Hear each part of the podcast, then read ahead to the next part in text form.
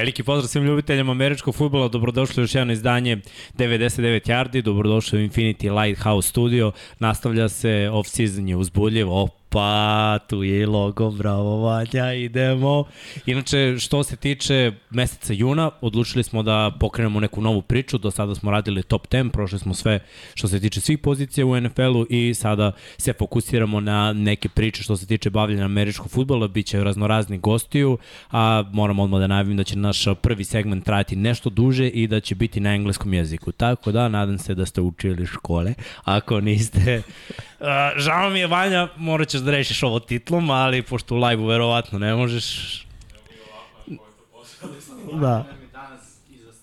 Da, dobro. Tu je Jimmy, tu sam ja i Vanja, mikrofon ti nije priključen na, znači danas je bez mikrofona, dobro. Znači Jimmy, ja i naš gost, Ryan Bar Bear B. Bear B, good. Bear yeah, B, there opa. it is. It's good. Izvinjavam se na svim onim, samo da završim na srpskom, na svim onim što su prenosima kad sam te zvao, uh, Bara B nije tako, zato što je Bear B, malo greško u spelovanju s naše strane, oprosti. How you doing, man? I'm great. I'm feeling good. Good to be here. Appreciate you guys having me on. You watching NFL? Oh, of course. Are you a fanatic, like two of us, three of us? Um, yeah, I would say I'm a fanatic. Yeah, more. Uh, I don't really watch all the games, but when the New England Patriots are on, and yes, yeah, sometimes the Tampa Bay Buccaneers now. But as you know, big Tom Brady fan. That's your but, team, huh? But Patriots all the way, man, all the way. Anytime they're on, I gotta watch them. So, man, he's the only one who cheers for the team in NFC. Yeah, I'm I'm a Ravens fan. He's a Charger fan, and Sergeant is Jets fan. And then this guy wears Eagle stuff all the time. Yeah. yeah. Hey, He's I'm, got the best I, shirt. Say, I'm repping my current, shirt, my current team that I'm here for. uh, hey, don't hate the don't hate the winners, man. Don't hate the winners. yeah, we're gonna talk about your life, your mm. experience, high school and college. Yeah. Uh, we're gonna focus. We're gonna let you speak. Right. And cut you with some questions. Sounds Be good. Be prepared. Sounds good. Sounds good. Yeah, let's just give maybe uh, some uh, more introduction on Ryan. So Ryan Mhm. currently plays for Vukovic. He's a quarterback. Uh, and yeah, to be honest, the idea for this, like having Ryan here, is like I knew where Ryan went to college, right? Once we uh, signed him, so we had a, a, talk with Ryan and we talk about football, talk about uh, what he's all about, what he's bringing to the table, all, all, these uh, nice-looking questions that you ask someone when he wants to come and join. But then um, the side of Ryan's story, which we know really brief about, was his period as a graduate assistant at his university. And then on our ride to, to the game, to Novi Sad, uh, Ryan and I got into, I have no idea how, but we got We're just talking. Yeah, you were just talking about stuff. Exactly. And then, you know, I just hear, heard this amazing story and I was like, people have to, have to hear it. So, yeah. Maybe Ryan, I don't know. You start with like when was your when was the first time like you started playing football? So, I mean, I think my my father put a football or some type of ball in my hand since before I could walk, like when I was still in the hospital. Um, but I started full contact football when I was five, six years old. So really, really young, and it was it was really hard for uh, for me to learn everything right away. And I started out as a tackle, believe it or not Wow. if if you look at me now, you thought I, I ever played tackle in my life, but after one practice, I was just throwing the ball around with my dad, and everybody came and was like, "Okay, you're gonna play quarterback now." So from the time I was five, six years old, I've been a quarterback my whole life.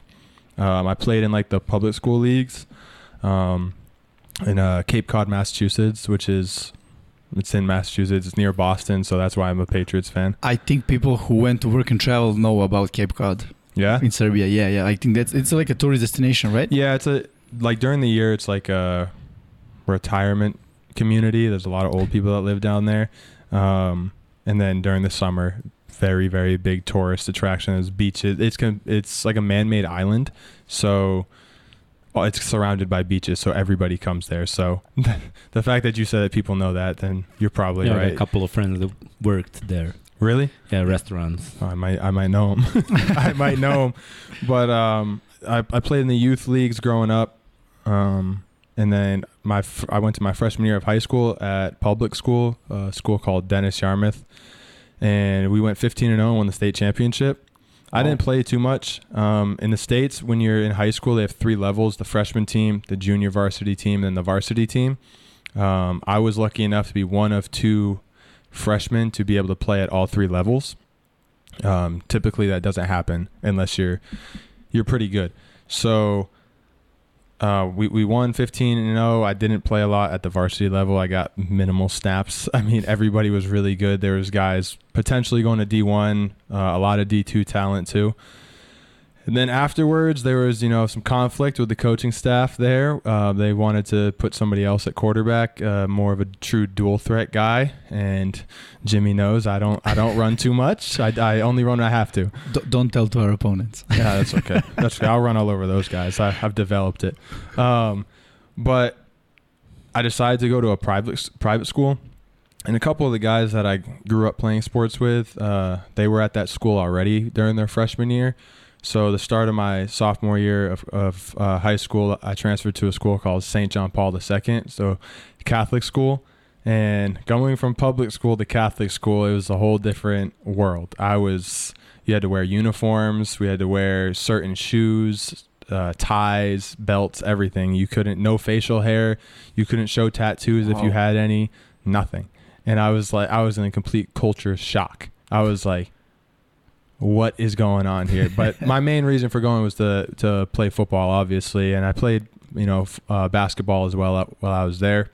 Sorry, that's what I wanted to ask. Like, Mm. did you grow up like playing two sports or only Yeah. football? What was like the football the first thing? You know, Football was the first, um, and then basketball was the second, and then for two or three years I played baseball as well. But going into high school, trying to play three sports, I, it just wasn't for me. I know a lot of my friends have done it. I know a lot of people have been very successful doing it, but I wanted to focus on just football and basketball. And then, you know, I didn't play my sophomore year actually basketball at all because I was under the impression I'm going to go in and just play football and, you know, pretty early start getting a lot of interest from college. Um, it, like we didn't have the greatest season my sophomore year, but it was okay. It was good enough. We, uh, I think eight and four or seven and three, something like that. And, but uh, you know, basketball as well. We were pretty successful. The school itself was so small. We had just over 300 students in the school, and practically everybody was an athlete. We didn't have a gymnasium at our school, so like there was no gym class or anything. Like you had your normal classes, and then I think later on in my high school career, they added like a weight room class that you could go and just lift weights with the with uh, the athletic director there. So so that's unusual, right? yeah, most most like high schools always have a gymnasium or, or something like that. Like our practice field was the softball field, which was sandstone, and in the winter it just completely froze over with ice, and then you're running with cleats on ice. It turns into just just ice skating. So it was. It was, uh, you know, the facilities were not there in, in high school, but we were very successful.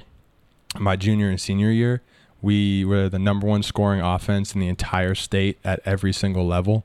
Uh, we averaged 48 and a half points a game.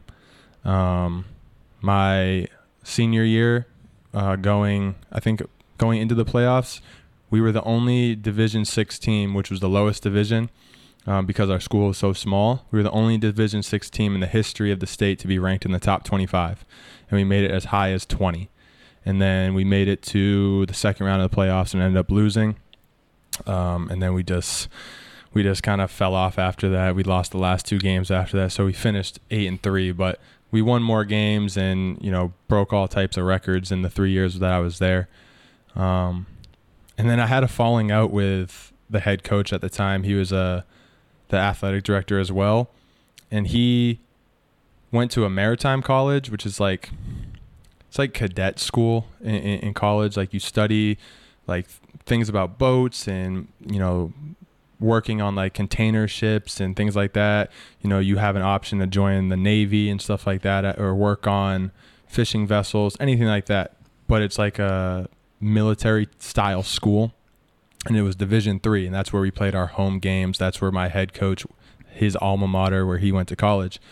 uh, and we basically had a falling out because he basically promised the coaching staff there that I would commit to them and go there, and that wasn't even on the table. I had no interest in playing Division three. I had no interest in being a cadet or anything like that. And it actually turned out the year after I left, he took a coaching job there. So I think leading up to it, he knew he was going to go coach there and wanted me to just continue with him. And I, that just wasn't for me. So he did zero recruiting for me to get me to any colleges. Nothing. And my mother and father had never had an athlete trying to go to college to play sports, so they didn't know it. I obviously was a kid and had no idea what the recruiting process was. So And I- how is like the recruiting process overall in the states? Like how, how does it look like? Because like from from far as we know, Mhm. it's like there is like a the star rating, right? So if you're like fifth, five star, four star, three star, doesn't matter. You're gonna get more like scholarship offers. Mm-hmm. But like, are you like are getting visited at uh, at your school? Are you Mhm. getting calls? Are they visiting your family, offering some off the table So, money? I, I would say, you know, especially now, if you look at some of the NFL rosters or, you know, college national champions, stars don't even really matter. I mean, the amount of guys in the NFL with Super Bowl rings who were one stars or two star rated, that's really low. Like you're considered like a low Division One talent, Division One Double A, Division Two. You're not big time. You're not having Alabama, Georgia, all those big schools coming out to you. The you know the four or five star rating that you receive is mainly from like your media attention. Mhm. Um, now you're probably a pretty good player. I'm not going to discount people and, and kids like that. You're probably a, a very good athlete, very good player, but that doesn't always mean that you deserve that five star rating because some of them don't work out at all. They just go and they like Nick Saban always says, like we we have all these five stars come here. It doesn't mean they're going to play right away. Right. You give me a five star freshman at Alabama, you're going to sit for a year or two, and you better be okay with that because we have already brought in five stars for the previous four recruiting classes. Right. So I, I don't really like that star system. If you're good enough to play college ball, they will find you. And later on, I'll talk about you know the recruiting process when I was a college coach because I saw it from a completely different standpoint, and it's very crazy how how detailed you have to be to find these kids. But if you're good enough to play and you want to play, somebody out there will find you at some level, and it's college football. And- Like Is it, is it like you know local? For example, you from Boston, Mm. were you like thinking I'm probably gonna end up in some school in Massachusetts or maybe some state around it, or it doesn't really matter? Like I mean, it it varies based off you know the the athlete. I mean, if you're getting all that attention as a four or a five star, teams from all over the country will come and find you. Or if you have, you know, your desire to go to the West Coast or the South or the Midwest to play in some of those schools out there, you can reach out to those coaches. I know right throughout high school and especially right after your senior season, a lot of people just start going to camps across the country. And when you go to those camps, there's hundreds of college coaches there that can see you. I know when I was in high school, I went to the Boston College camp. I know that Serbia has a has a guy there, right? Yeah, right now. Yeah.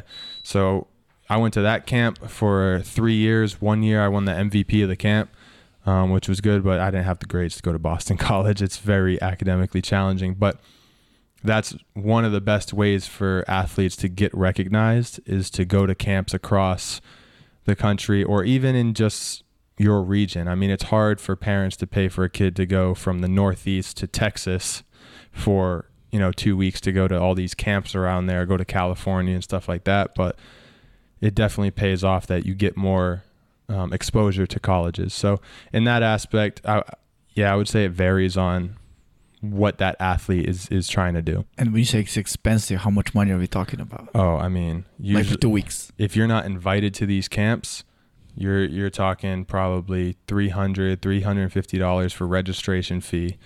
Um, if they're not gonna, you know, hold like do room and board for you, then you know hotel, which is varies on the hotel, but another couple hundred dollars for however long you're staying. If you're gonna travel to multiple camps, like if you're going to Texas camp, Oklahoma camp, Arkansas camp, because all those states are right next to each other. If you're gonna try to hit them all within a week or two, then you got to talk about your, your fuel prices and then uh, different hotels. So could go up to a couple thousand dollars in, in just going to these camps alone.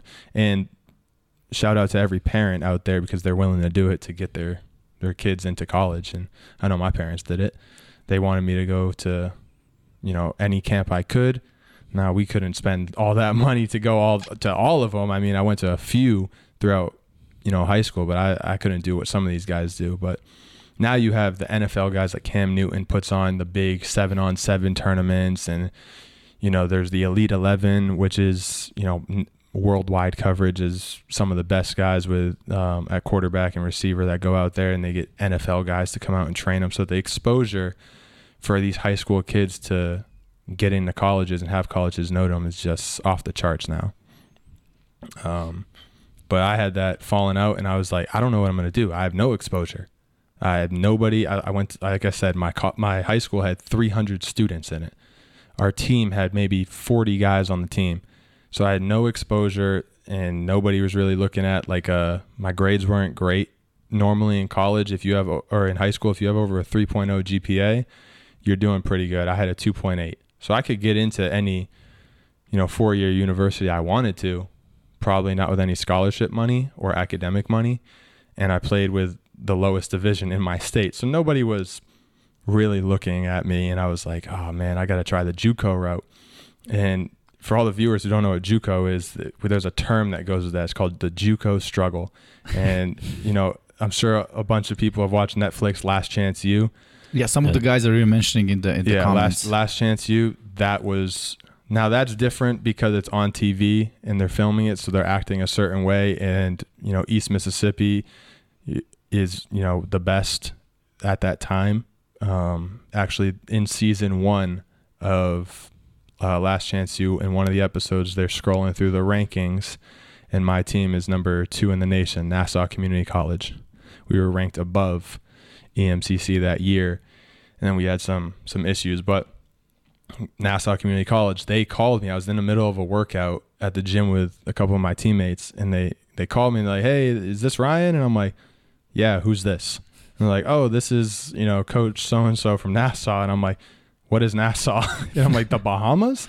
And they're like, "No, Community College, Long Island, New York." And I'm like, "Oh snap!" So I ran outside and I was just talking to the, it was the quarterback coach uh, and, and OC Greg Laurie, and I was talking to him and he was basically saying my film came across their desk, they watched it, they were impressed.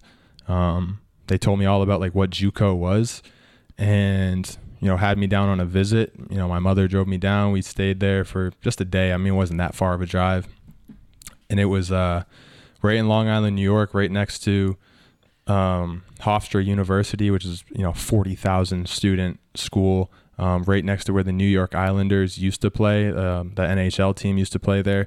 So it was a pretty populated area, and the JUCO itself had over twenty thousand students and that's unheard of. You're like a JUCO with 20,000 students, and we had people coming from all over the five boroughs and all over New York coming to um, the university, and it was it was a decent um, experience. Going into the year, we were ranked number five because the previous year they were pretty good. In the first game of the year, we played Trinity Valley Community College down in Texas. I think it was like a 38 hour bus ride wow. because JUCOs don't get a, a, you know Yeah. Planes. they don't Hey, get a lot. We we know that. Yeah, you guys know. You guys driving like Italy and stuff out here to play France, France, yeah. Paris. Turkey. Turkey. Oh yeah, I There, couldn't imagine. yeah, the Wild Boars went to London by bus. Yeah, How do you get to London by I bus no from the idea. mainland Europe? I have no idea. Like th- there is a, a, a tunnel. Yeah. Oh, the, There's a tunnel uh, that goes be, uh, below the channel. La Manche. Yeah, yeah, I couldn't it's do that. crazy. I couldn't like, do that. My le- I need some leg room on those buses. So, but but it was great. I mean, the score I think it was like sixty six to sixty, in, in the you know dead heat of August in Texas. So it was like hundred and three degrees, and we're all dying on the. It's like 45 Celsius, right? Yeah, 45 Celsius. Yeah, Okay. for all the guys who don't know, but like half the team didn't shower after the game, and Oh we had that God. 38 hour bus ride back, and it was just like, guys, this place stinks. This bus is horrible. And we had the coach out there on the way down and on the way back. We're out there at bus stations and, and gas stations doing stretch lines because like you got to get out of the bus and move your legs around, or it's your blood flow is going to get messed up and your muscles aren't going to be ready to play the game and it was just a lot. So that was my first experience of college football. It was a 38 hour bus ride, Wow. and I, I redshirted my freshman year because they had um, a quarterback, uh, Ben Holmes, who's now he's been he's been all over the place. He's been the USFL, that league that is in their first Yeah, year. Yeah, I'm watching highlights. Yeah, he's he's been in that league. Um, I don't think he's in it anymore. I think something happened. Uh, I think he's doing going to do the XFL, which is going to make its you know return next year with The Rock as the owner now. Yeah. I'm impressed by the speed of the game. Yeah, I'm not I impressed I by the quarterback play. I- yeah, but I didn't ex- expect so many uh, precise tackles, yeah, and they come in right angle, full Mhm. speed. Th- that's the that's the difference, you know. When Yeah. when I watch an NFL and every other league, that's the main difference. Here, the main difference is qu- quarterback playing. yeah. I mean, it's definitely impressive that they're in their you know first season doing this, and like you said, they the you know precision to detail that they already have to make this league successful is it, it's just another professional league that you know gives people an opportunity to do what they want to do. Um, But can, can you tell us like about JUCO, for example? Like how long can you stay at a JUCO? Can you play for like two years, four years? What do you do Yeah, after you so- you're done? most athletes, I think the maximum that you can stay is two years Mhm. to play because then you earn your associate's degree. Um, and then, wh- which there's something called an automatic qualifier, which is what I was because I my GPA in high school was already good enough to put me at regular four year universities. So if you're an automatic qualifier, and this will lead into the the next topic about my other university that I went to. The original rule was that you only needed 12 credits of any classes, Mm-hmm. and then you could transfer to a four-year um, university that you know was offering a scholarship or a walk-on spot or anything like that. I obviously redshirted, so I had no film, so I had to continue to stay. Because if you go to JUCO and you play right away, and you're an automatic qualifier, you play. You're there one semester. You have your film. You could get out immediately and then just go to a four-year and you know get it rolling. I redshirted that first season, and you know in the springtime, the university was actually going to lose its academic accreditation. They were in danger of so any credits that any athletes took wouldn't transfer into any four years that they went to. I don't know if that actually happened because me and a lot of guys didn't wait around to find out because we already had 15, 18 credits of of you know college courses. We didn't want those to go to waste if we if something happened. So that spring ball that we had, we had two coaches. That was it. The whole coaching staff went to another JUCO program. We had two coaches and I don't even know how many guys, like maybe 30, 35 guys that stuck around.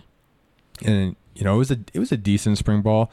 We had, you know, a small spring game. Not many people came out, but I ended up transferring to another JUCO, the same JUCO that all that all those other coaches went to, called ASA uh, Junior College, is in downtown Brooklyn, New York. Um, we, you know, the other the coaches that went there were my coaches from before, so they were like, you know, the offense, you can come in, and they told me I was gonna have to compete for it. Like I'm not just gonna get it because they know me and they recruited me to the last school.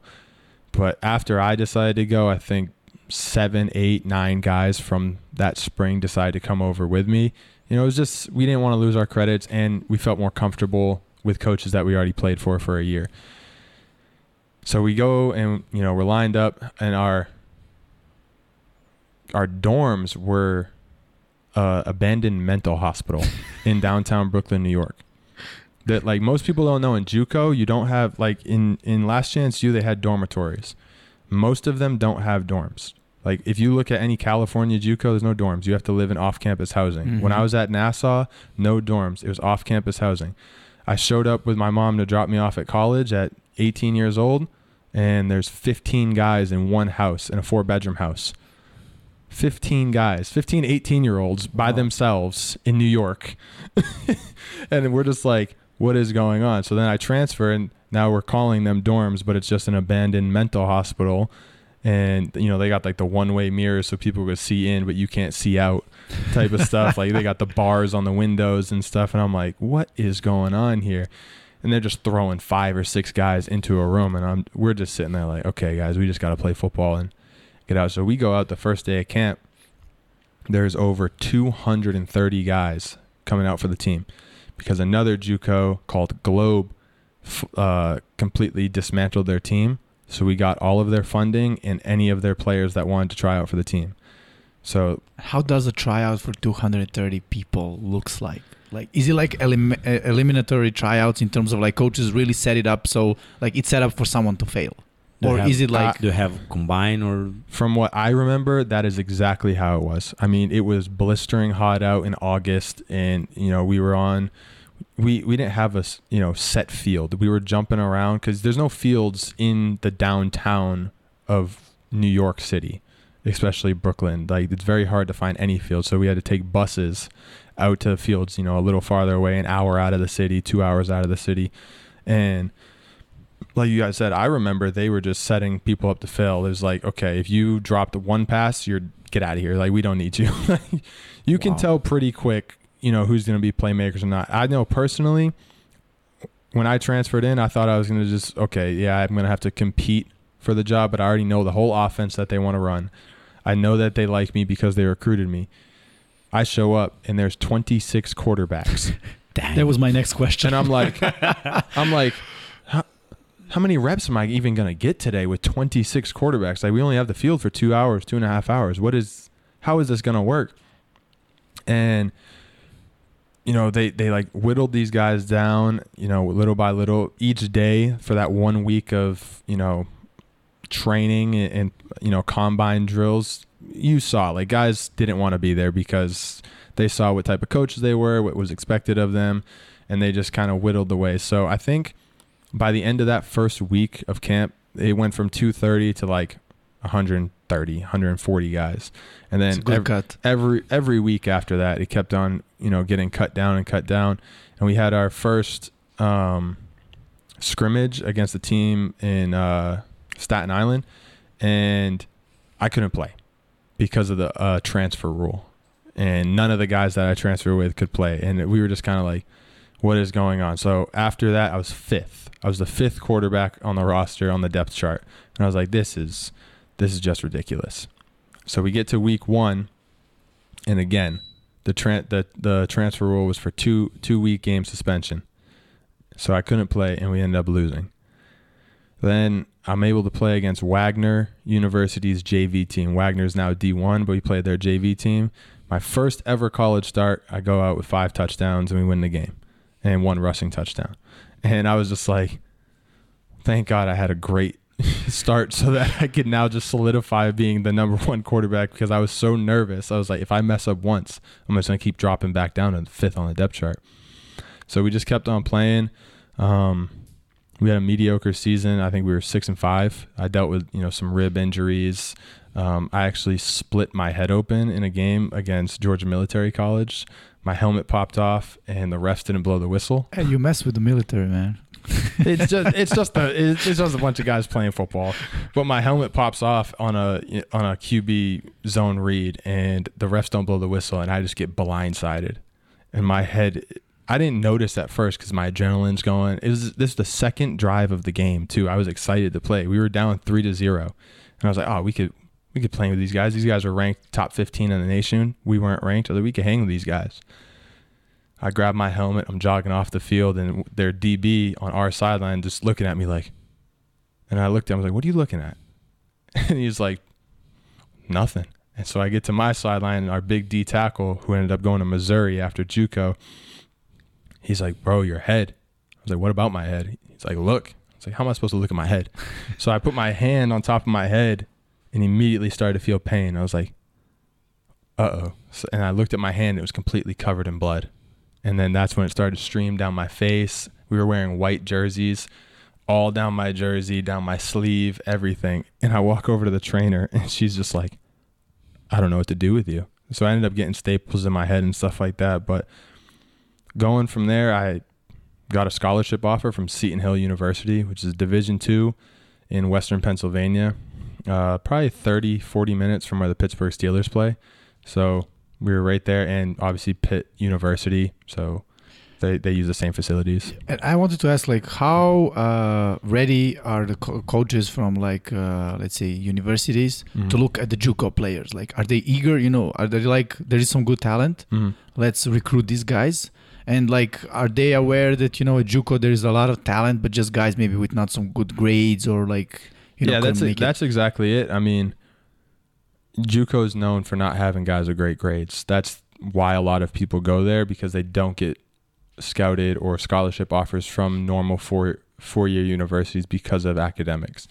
So when you're on the, coaching staffs at normal universities and you're thinking about taking JUCO guy, there's only a couple factors that you know you you have a position that you really need uh, help at. So you're going to try to bring in a JUCO guy who has experience already at some type of college level. Um, and, and you know that you're not going to, if you do offer him a scholarship to come, it's only going to be for two, maybe three years max, rather than paying him for a full four years. Because, you know, at, at colleges, not necessarily D1, but Division two level, 1AA, you don't get the same funding as those big time D1 schools. So those years of paying scholarships, they actually mean something. Mm-hmm. I mean, it, you're not Alabama where you can give 85 full scholarships and just pay for everybody's way through college. I mean, at mine, Division two, I think we got 32 scholarships, and we were able to break those up into try to get like you could give a guy a thousand dollars per year and call that a scholarship. Now that's not doing much for a college in the United States, but I mean, they call it a scholarship. But you know, coaching staffs very, very limited to to the JUCO guys. I mean, it's very hard for you to just bring in a guy, and a lot of times it's attitudes. Because in JUCO, you're the, like I said earlier, you're only there for one, two years, so the team aspect isn't really there fully because everybody needs their film to get out. The goal is to get an associate's degree. If you don't need an associate's degree, it's to get film. And either way, you're trying to get film to get out to go to a four year. So everybody's fighting with each other on the field, like, yeah, that's your brother, that's your teammate. But at the end of the day, you're going to do whatever you can to play over him and get your film to get out, regardless of how he feels, regardless of what happens.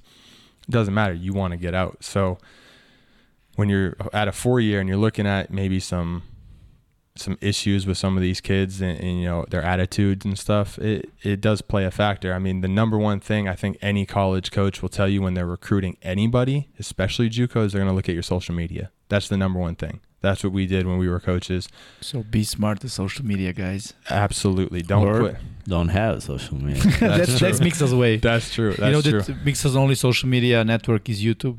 really Yeah. that's probably the smartest thing to do Thanks, and especially in a in a age that social media runs everything, especially young athletes. I mean, the, you you see it all the time, especially in guys going for drafts now, NBA draft, NFL. They're digging up things from six, seven, eight years ago when you were 13, 14 years old and you tweeted something out.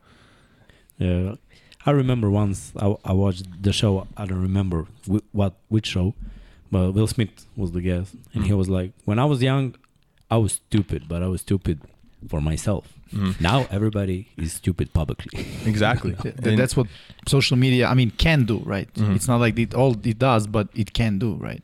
Yeah, it, you you got you got to be smart on what you put it. When we were, that was the number one thing our head coach said. If you're evaluating any kid, you look at his Twitter, Instagram if he has it, Facebook if he has it, any type of social media. See what he's, because you can tell a lot about a kid You can tell based off of that. Yeah, that's true. You You tell tell, all. all about a kid. Uh, because like you are the editor of your profile. Mm-hmm. If you post pictures where you're doing not so smart things, that Right. kind of tells a lot about For the sure. person. And I think like more and more these younger kids are getting more naive and they think that the internet it won't it will just go away.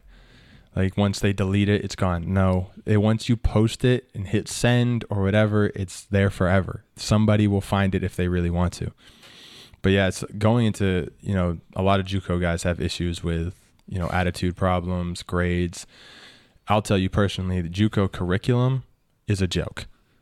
I had a 4.0 and I had a 2.8 in high school. And to go to Seton Hill University, it, the schools were on different, you know, school years. JUCO is on a trimester, so we had three semesters in a year. Most schools is just you know fall, spring, fall, spring. It's just two. So I had to take my finals because I was a mid-year transfer. I signed my letter of intent in January, and they wanted me there for spring ball. So I had to be there. I think it was like January twentieth to be there, enrolled in classes and, and get ready for that spring semester at my university. My JUCO didn't end until the beginning of April. So I had to take all of my finals three months early. And they were like, okay, Some of my classes didn't even make me take the final. They just gave me the letter grade I already had in the class, which was an A. and I was just like, okay, uh, thanks. I'll just take the A and just move on. Or I took the final and somehow passed it with an A anyway. But I had a perfect grade point average going in, which thank God it happened because I ended up getting uh, academic money from my university because I had a 4.0. And those things play factors into, you know, down the road. Because my college was, I think, $48,000 a year, Wow. 24 a semester. Yeah, th- th- there's the thing uh, when we watch the movies or, or, or shows and, and they saying, oh, if you want to go to college and have a scholarship, you gotta owe the bank and Mm-hmm. I return mean, the rest of your life. Pra- oh yeah, I mean, student debt is it's absolutely insane, I, and the fact that so many people are just okay with doing it. I myself, other athletes are lucky that we can get scholarships to play sports, and then that pays for our way through. It didn't pay for everything because each year it rose a little bit. They'd build a new dormitory on campus, or they'd build a new academic building, and they'd have to bump up, you know, tuition two thousand. I think in my three years there, they bumped it up every year because they built something new, but they didn't bump my scholarship up because in Division two it caps out. You can't. You could uh, get fifteen thousand per semester, so I got the maximum, so thirty thousand dollars in football aid, but my school's forty eight, so there's still eighteen thousand dollars left over. Then I had my academic aid, which luckily was nine thousand per semester, which came out to forty eight, and then I was good. And then if you have anything else, grants, any awards that you can get um, from you know community scholarships or anything like that, they'll pay you that money in a in a check at the end of each semester. It- So you can actually end up getting money as Yeah. well. mhm. Some I've people never heard of do it, of it of it of that Yeah. system. It's never going to be like a crazy amount. right. I mean, I don't know what it's like at the big time D1 schools. I mean, you could probably get a Rolls Royce now as part of your NIL deal. Um, but before all those things started, uh, you know, there was obviously the under the table stuff nobody heard about.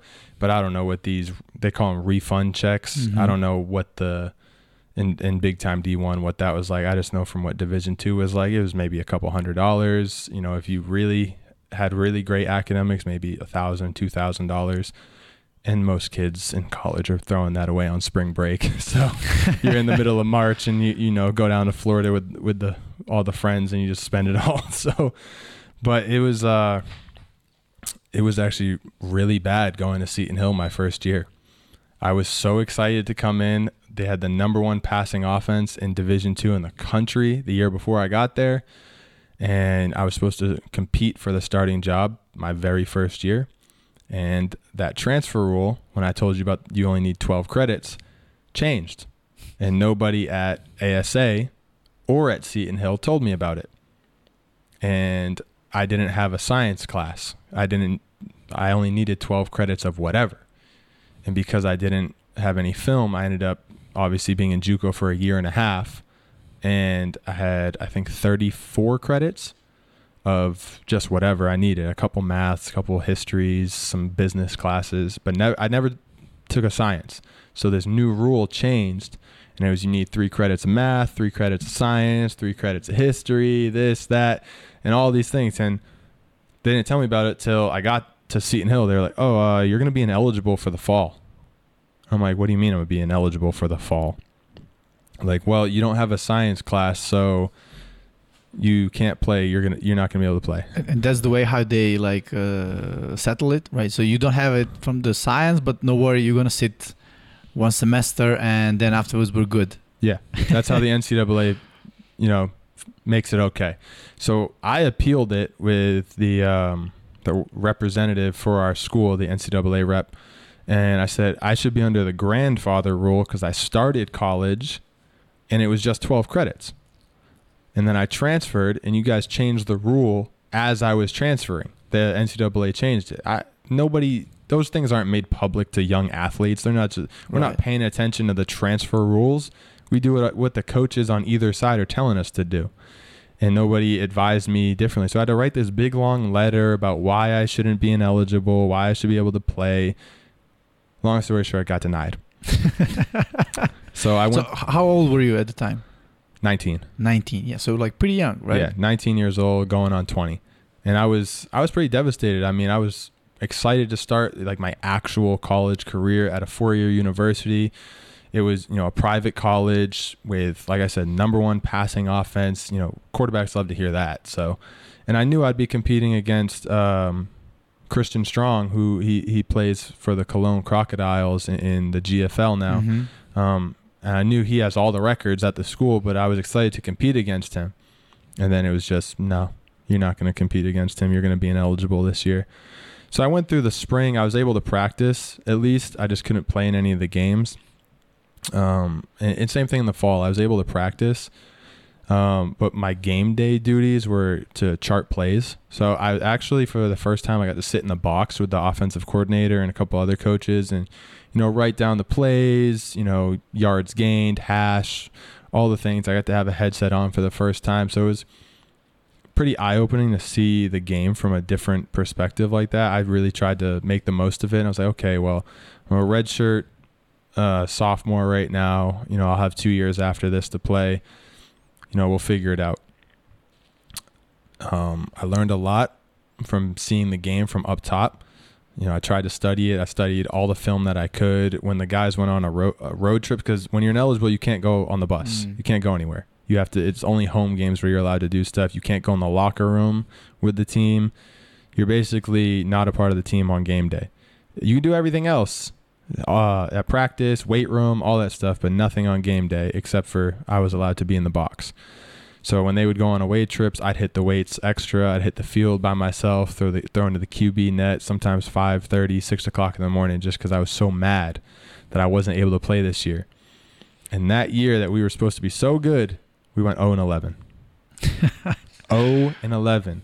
I had never ever experienced something that in, in my life. I had never lost that many games combined in high school or JUCO. I was so confused at what happened because we were supposed to be this high-powered offense and we were supposed to put all these points up. We were averaging giving up like 52 points a game. There was a point in time where six games in a row the team we played against set either the conference or their school record rushing or rushing touchdowns against us Wow. six weeks in a row. There was games that the scores were like 74 to 7, 56 to 10. Like, it wasn't even close. And I we were all so confused and being up in the box with some of the coaches, I got to hear some of the behind the scenes talk and you know, they made me say, "Oh, don't you can't say anything to the guys, uh, whatever." They didn't want to coach. I heard it all on the headset. They did not like this team. They did not like our guys that they built the team. They did not have any faith in anybody. So they were just basically there for a paycheck. And it was, you know, pretty hard to, to deal with. And then after that season, I became the starter my junior year. That year we went 1 and 10. And again, the coaches were the same coaching staff. We actually had a coach tell us at practice he would have quit already, but he wants his last few paychecks from the school. My God. And we don't want. I mean, the guys were looking around. We're like, why do we want to play for these And you're guys? 20, 21. Yeah, we're twenty. You know, the eighteen to twenty-four year olds on this team, and we're like, why do we want to play for these guys? They just want paychecks, and that's it. We had the worst defense in the conference for two years in a row. Like, what are we doing right now? And at the time, we had the one of the best, if not the best, receiver, Ardell Brown. He ended up doing his graduate year at uh, UConn, um, but he was probably the best receiver in the conference. And we would throw him the ball. He was averaging 180 yards a game, and we just couldn't stop anybody. Or you know, sometimes they double and triple team him. I mean, Ardell was my roommate, one of my best friends, and everything like that. We'd sit up late at night, be like, "How do we win games, man?" Like, how, like I'm putting up numbers you know, receiver wise, we're doing okay passing the ball, running game non-existent, defense non-existent, and we're just like, ah, we couldn't come up with anything. We were one and ten, and the one game we won was because he returned a punt with like a minute left in the game. He returned a punt for a touchdown, and I was just like, this is crazy. And at the end of the season, at the end of that semester, the athletic director and you know a lot of the administration pulled us all into a, a big meeting room and basically just said uh, all the coaches are fired. They're gone. We don't know if you're going to have a program in the spring going forward. Um, just know there's a coaching search going out tomorrow. Um, you guys have any questions? A lot of them. And we were like, um, yeah. Do we still get to keep our scholarships? And they're like, yeah, everybody who's on scholarship will remain with their scholarship. That won't worry. He's like, okay, well, what about transfer rules? Because this was right when transfer portal started, and everybody wanted to jump in and jump out. And if you jump in, it has to be signed by the the representative to the NCAA and all this stuff. So it was just a madhouse. We went home for the winter break and we had no clue what we were going to come back to. And it was it was very frustrating and you know and we didn't know what was going on. I had guys calling me as the quarterback like, "Dude, what's going on? What are you hearing?" I was like, "Nothing. I don't know." So to be honest, I'm really amazed to even hear that that, that that can happen in the states. You know, Mhm. like a school can like lose the football program, like oh, yeah. at Over just the night. over Oh, the night. Yeah, we basically. they were just like, we have no idea what's going on. I'm calling the athletic director, which you're not really supposed to do. I mean, he's got all the athletics of the university to worry about, and I'm asking him like, ah, how's the coaching search going? What are you gonna do? What are you gonna do? And he's just like, ah, I can't really get into it with you.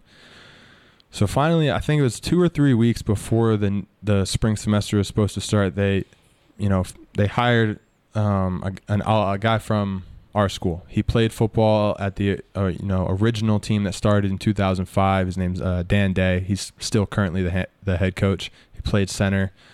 Um, so they hired him. I was in the transfer portal because I didn't know. I was ready to go leave somewhere. I had an offer to go play D2 down in Arkansas. I had one in Texas that I could go to.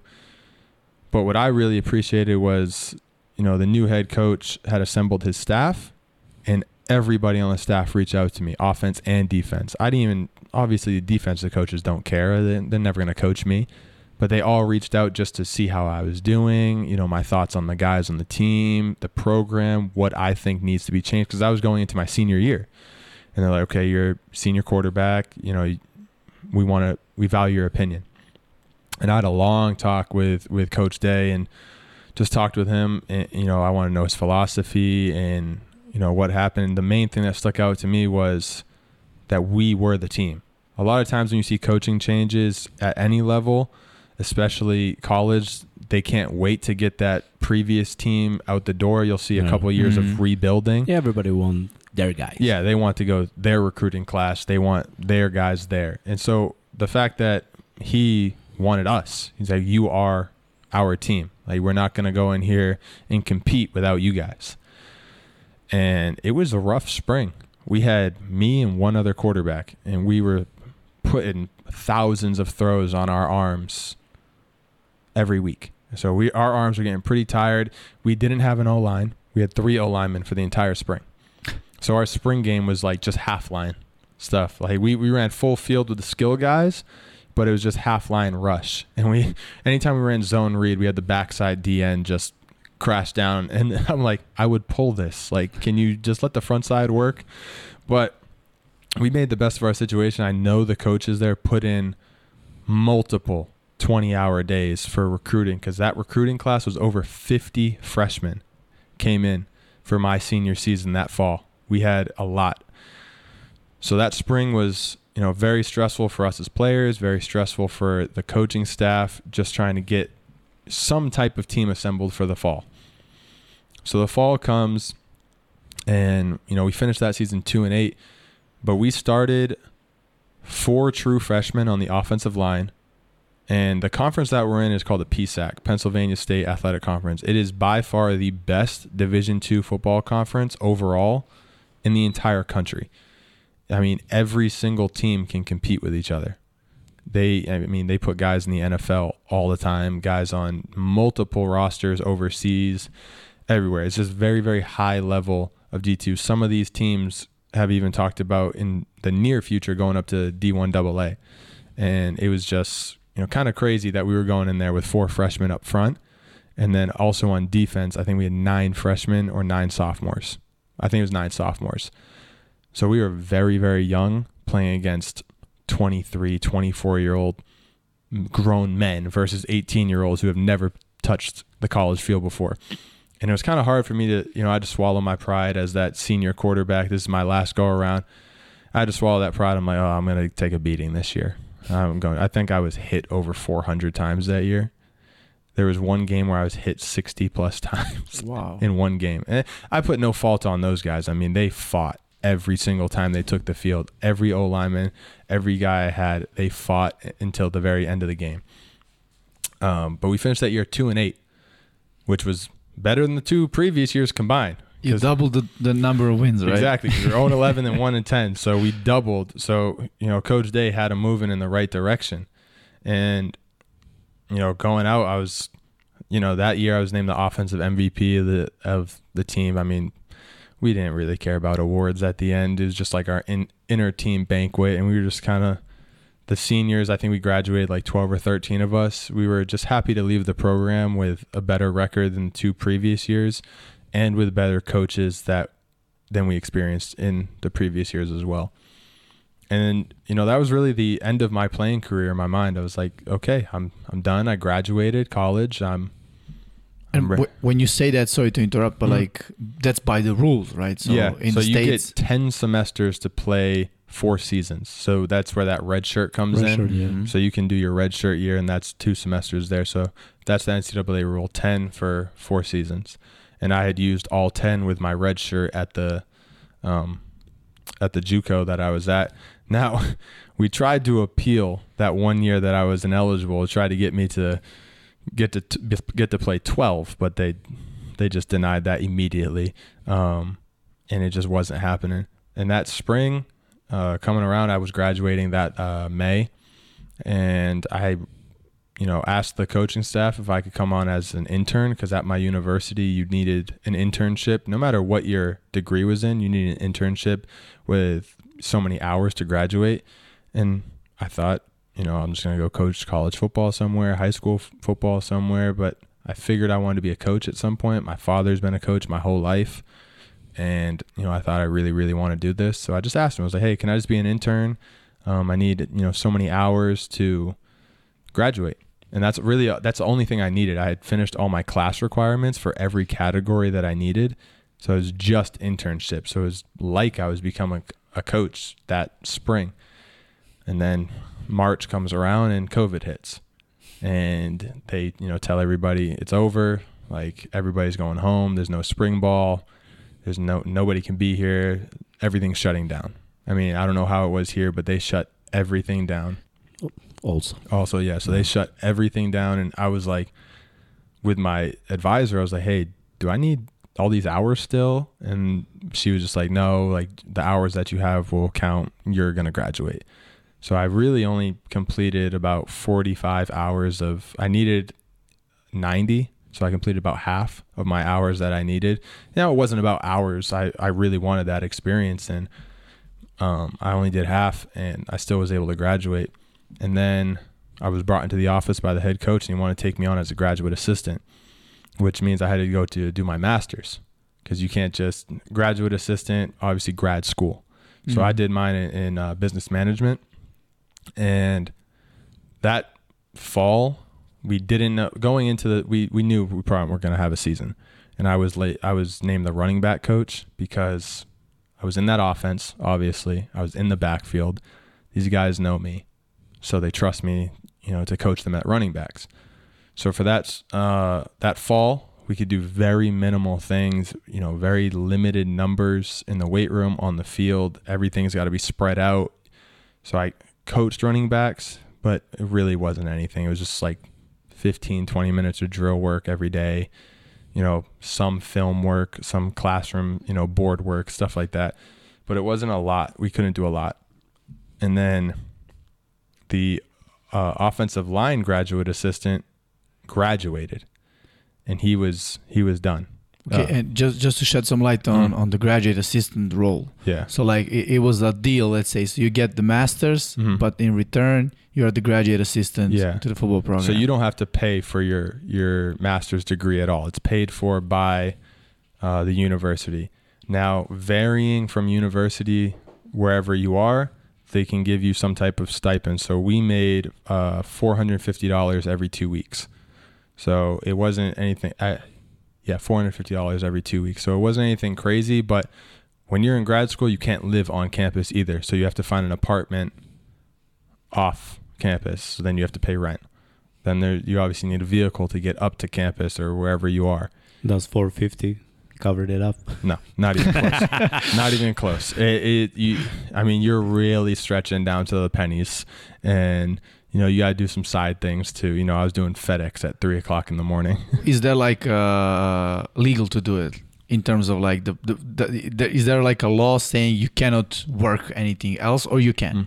No, you can. I mean, I But- just know 99% of college graduate assistants can't. It is so time consuming because it is it is a full-time job as well as you have a class load to do as well. And, and like when you're a graduate assistant, like Mhm. can they assign you to any role? Like can the head head coach say, "Hey, you're the running back coach, you're Mhm. the film guy, you're so they can do whatever." So I'll go I'll go through like our, our normal day right now. So during because spring is different to fall. So in the spring, you know, it's a little, you know, laid back a little bit more weight room stuff. So but we almost every day you're you're up at five o'clock in the morning, five thirty in the morning. You know, there's some type of weight room at six.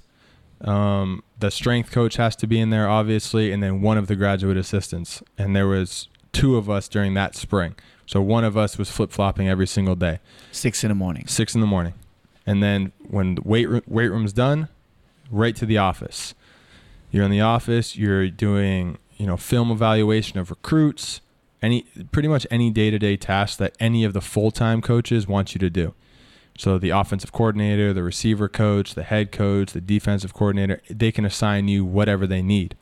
You know, that could be go to the copy machine and make copies, go down to this office and pick this up for me, go grab me lunch, stuff like that. You go to the store and grab candy bars, anything, and you got to do it. And on top of all that, you're trying to figure out how to do your classwork. And I was lucky enough to do my master's during COVID, so everything was online, so I didn't have to be in person, which was it worked out good for me because I could only imagine trying to tell these professors, "Hey, I can't come to your five-hour class because I'm coach," and they'd just be like, "Whoa." You're a graduate assistant. Grad school comes first, and then I have to explain to the head coach, "Well, I got a five-hour class. I can't. Co- I can't coach at practice." So there can be a conflict of, of that Mhm. type. Yep. How how is it like up to you how you gonna sort it out? Yeah, it's up to it's up to me. So they they're not like oh so you're a graduate you have to graduate or or the other hand like so you're a coach so you have to coach. No, yeah, it's, like it's up to me to make the class schedule fit my schedule, which is impossible. it's it's not possible to do. Which is why I was so happy everything was online. That's why you said 99% don't work. Yeah, yeah, it's it's you're uh, you're there from before the sun is up till way after the sun goes down. I mean, I I don't even know how many times I was there till midnight eh, after being there from six in the morning, and then like during the season is probably the most stressful thing I've ever been through in my life. I mean, you're you're up at you know 4:30, 5 o'clock in the morning. You're you have to be in the office before the full time coaches. I mean, they expect the doors to be unlocked and lights on by the time they're in at six, and you're in there doing, you know, whatever you're supposed to be doing. I know I had social media responsibilities, so I made graphics on Photoshop that I needed to do for you know game week stuff, um, you know players of the week, stat things, just social media things in general. I was in charge of all of that. I was in charge of the offensive line, um, our scouting reports, which took up the most time. We you know we used Hudl, and I know that you guys use Hudl Yeah. here too. We went into so much detail on percentages. So for me personally, I had to go through every three game breakdown. So we'd look at the last three games of whoever our opponent was that week, and we had to, or me personally, I had to look at every defensive front and label it what it was in our terms. So over front, under front, bare front, whatever it was, type it in the Hudl. Then I had to label where the backers were. Then if there was blitzes, I had to label which guys blitzed and where they blitzed. So for instance, if the Mike blitzed to the A gap, it, I type in MA. If the if the Will blitzed to the B gap, it'd be WB. And you just go down and you do that for every single defensive snap for three games. And, like how much Mm. time like on average they There's take for like you? 100 plays per Uh, game or more. Yeah, so you're talking about two anywhere from like 270 to 300 plays that this needs to be done that day, uh, usually on Monday, because Monday is um, Like they. yeah leg day. But the NCAA gives a mandatory day off completely from all athletic activity, weight room, practice, anything. Now the kids can do it on their own, but we can't force them. So Monday was our big scouting report day where we would have to do everything. So we'd be there from six in the morning till 11:30, 12 o'clock at night, and you're just going through all of these things. And then again, back to the D line, I had to do defensive stunts, so I had to label those as well. And the other coaches can't do their job. So the receiver coach would do coverages. The running back coach would, you know, he'd jump in and do some of the things, you know, but he his job was to go in and do formation, um, personnel, anything like that in our terms. So the team that we're playing, they don't call it uh, trips right. Right. It- like they could call it whatever they want. I mean, we would we would label it however we need to do. So you're talking thousands of pieces of information need to be uploaded in one day. So when you're done, then you have to watch it, and you have to uh, watch it with the head coach. He was part of the offensive staff, so the defensive staff did their own um, thing with the defensive coordinator. We did it with the head coach, so we were there really, really long because he was very meticulous, and we had to go through and create these reports. So in Hudl, you can highlight certain categories and create reports, and it'll give you percentages. So, okay, they're in ten personnel and they're in trips right. They play this coverage this percentage of the time. They blitz this guy this percentage of the time to this gap, and they stunt you know, 2% of the time on this formation with this blitz. And you'd have to go through and break down every single one of these and give the head coach the percentage so that our OC and him could talk about the game plan. So we, it, it was just so meticulous. And at the same time, I'm trying to worry about my classwork. And I'm sitting here, you know, typing in thousands and thousands of pieces of football information. And I get hit with, hey, when's that social media post going to be done? I'm like, you told me to do the percentages for defensive stunts. Okay, well I want you to do this. Okay, so now I got to take a break from you know film, and I got to go do the social media, which I have to start from scratch, create the designs, then do all the information with it, then get it uploaded. And I I didn't like to do it. I just took a class, a free elective on um, like creative design because it was a requirement and I ended up getting pretty good at it. And then they just made me that title while I was a graduate assistant. So finally, I get to go home at midnight, one o'clock in the morning, and I got to be back in Tuesday at 5:30, 6 in the morning, because we have lift that morning, or we have you know something on the field that morning, and a graduate assistant has to be present because we had to do all attendance. Um, we had to do the temperatures for for COVID. We, we had to do all of those, and then we go to the office, and again, you have to go back to film. You got to do even more breakdown. What'd you miss? What are they doing? Go back to games that aren't part of the three game breakdown and see if they did anything different against those opponents. Um, and then we get together as a staff or uh, on our respective sides, and we'd watch a particular, you know, yard line. So Tuesday was all first and second down because those kind of go hand in hand with what defenses do. Wednesday was all third downs, and Thursday was all uh, red zone or fourth downs. And we would just do that every single week.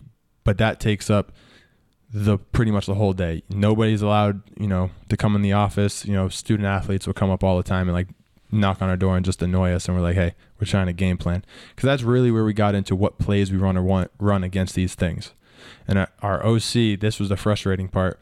I played in this offense and I know I played against these teams for two or three years. I played against these guys and their coaches. So I know I have some type of input that I could have. But the OC, who was my quarterback coach, and the head coach really didn't take into consideration anybody else's input. Like the receiver coach, you know, he was very ex- experienced. He played arena football for a long time. He was very, very good receiver.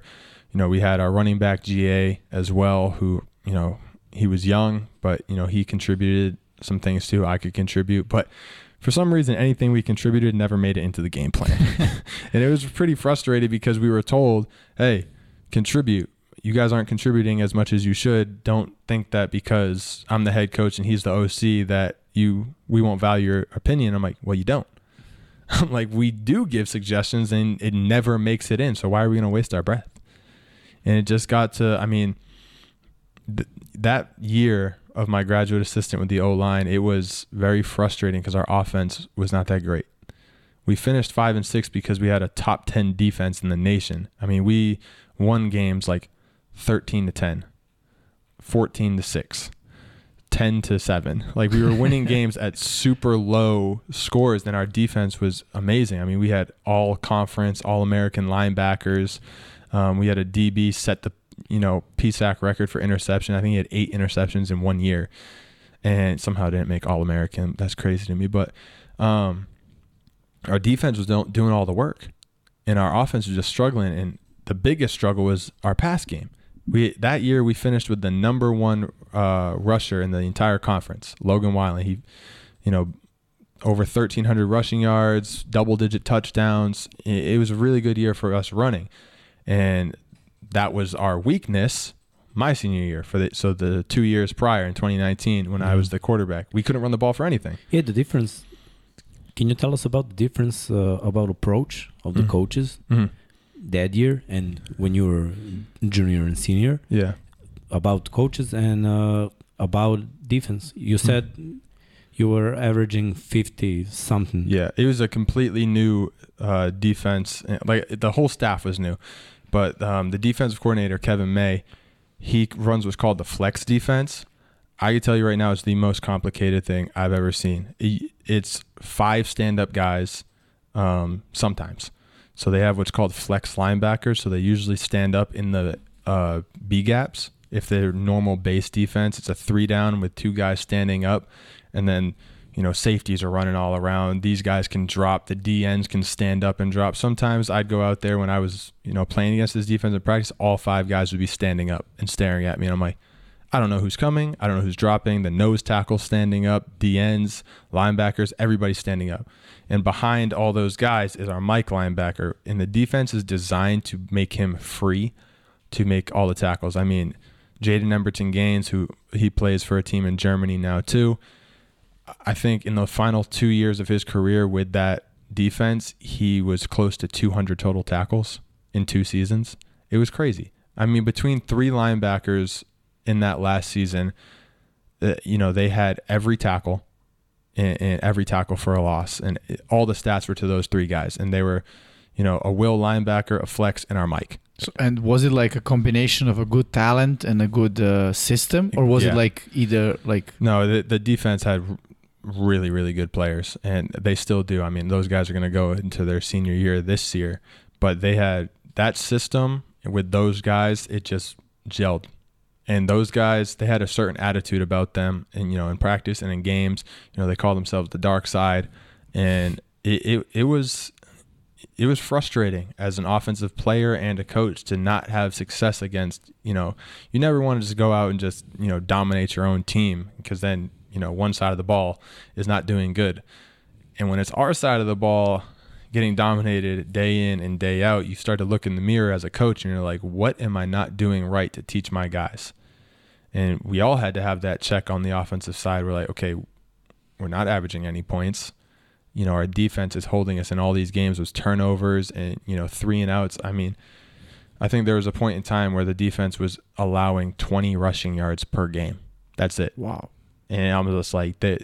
We have to, we have to put points on the board. They go three and out. We can't go three and out every time. At least just sustain a drive and get the defense some some rest. I mean, they only have so many guys who can make all these plays, but you know, Coach May, he his scheme is is crazy. I mean, he'd have to explain it to you because I have no idea what goes into that because he he had guys going all over the place. He would confuse me and when I was a player against him, he confused me every single day in practice. And again, when I went to coach, I was on the offensive side, so I didn't even have any. I didn't even talk to him that much about it. I just try to help my O line block it in practice, but it was it was a lot. Yeah, and just lot. just for for all the people watching it, that's Division two program, mm-hmm. right? So like we're not talking about Alabama, we're not talking mm-hmm. about all these fancy schools. We mm-hmm. actually watch NCAA Yeah. games. This is like Division Two. Like, can you even imagine what's going on in like D1 universities? You know, I I couldn't. how dedicated and committed they Yeah. are. You know. I would say, first of all, I had zero days off from the day I said okay to being a GA to the day I stopped being a GA. There is not a single day off that you have. No vacation time, Yeah. no summertime, nothing. And then within that, I think every day was a 16 to 20 hour day at the office or doing something related to football.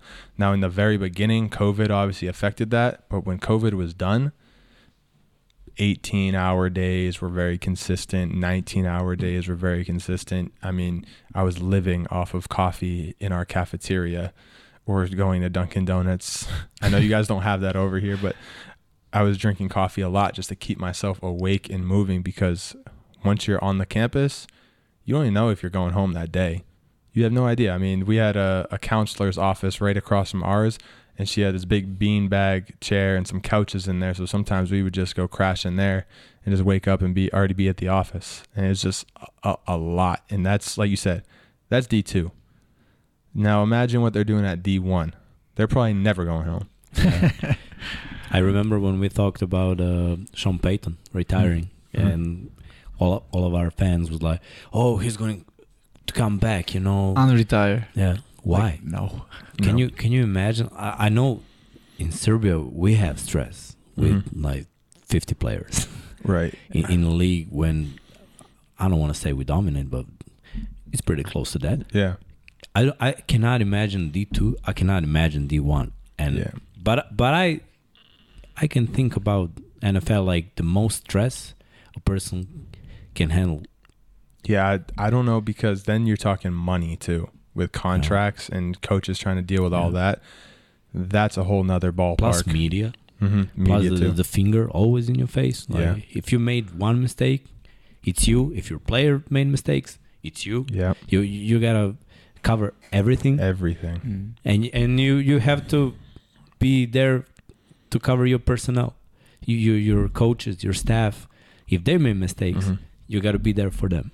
Yeah. A lot of stress. And I think, you know, some of the major differences between like just the levels of football. I mean, we had a coaching staff of nine for a team of 120 at D2.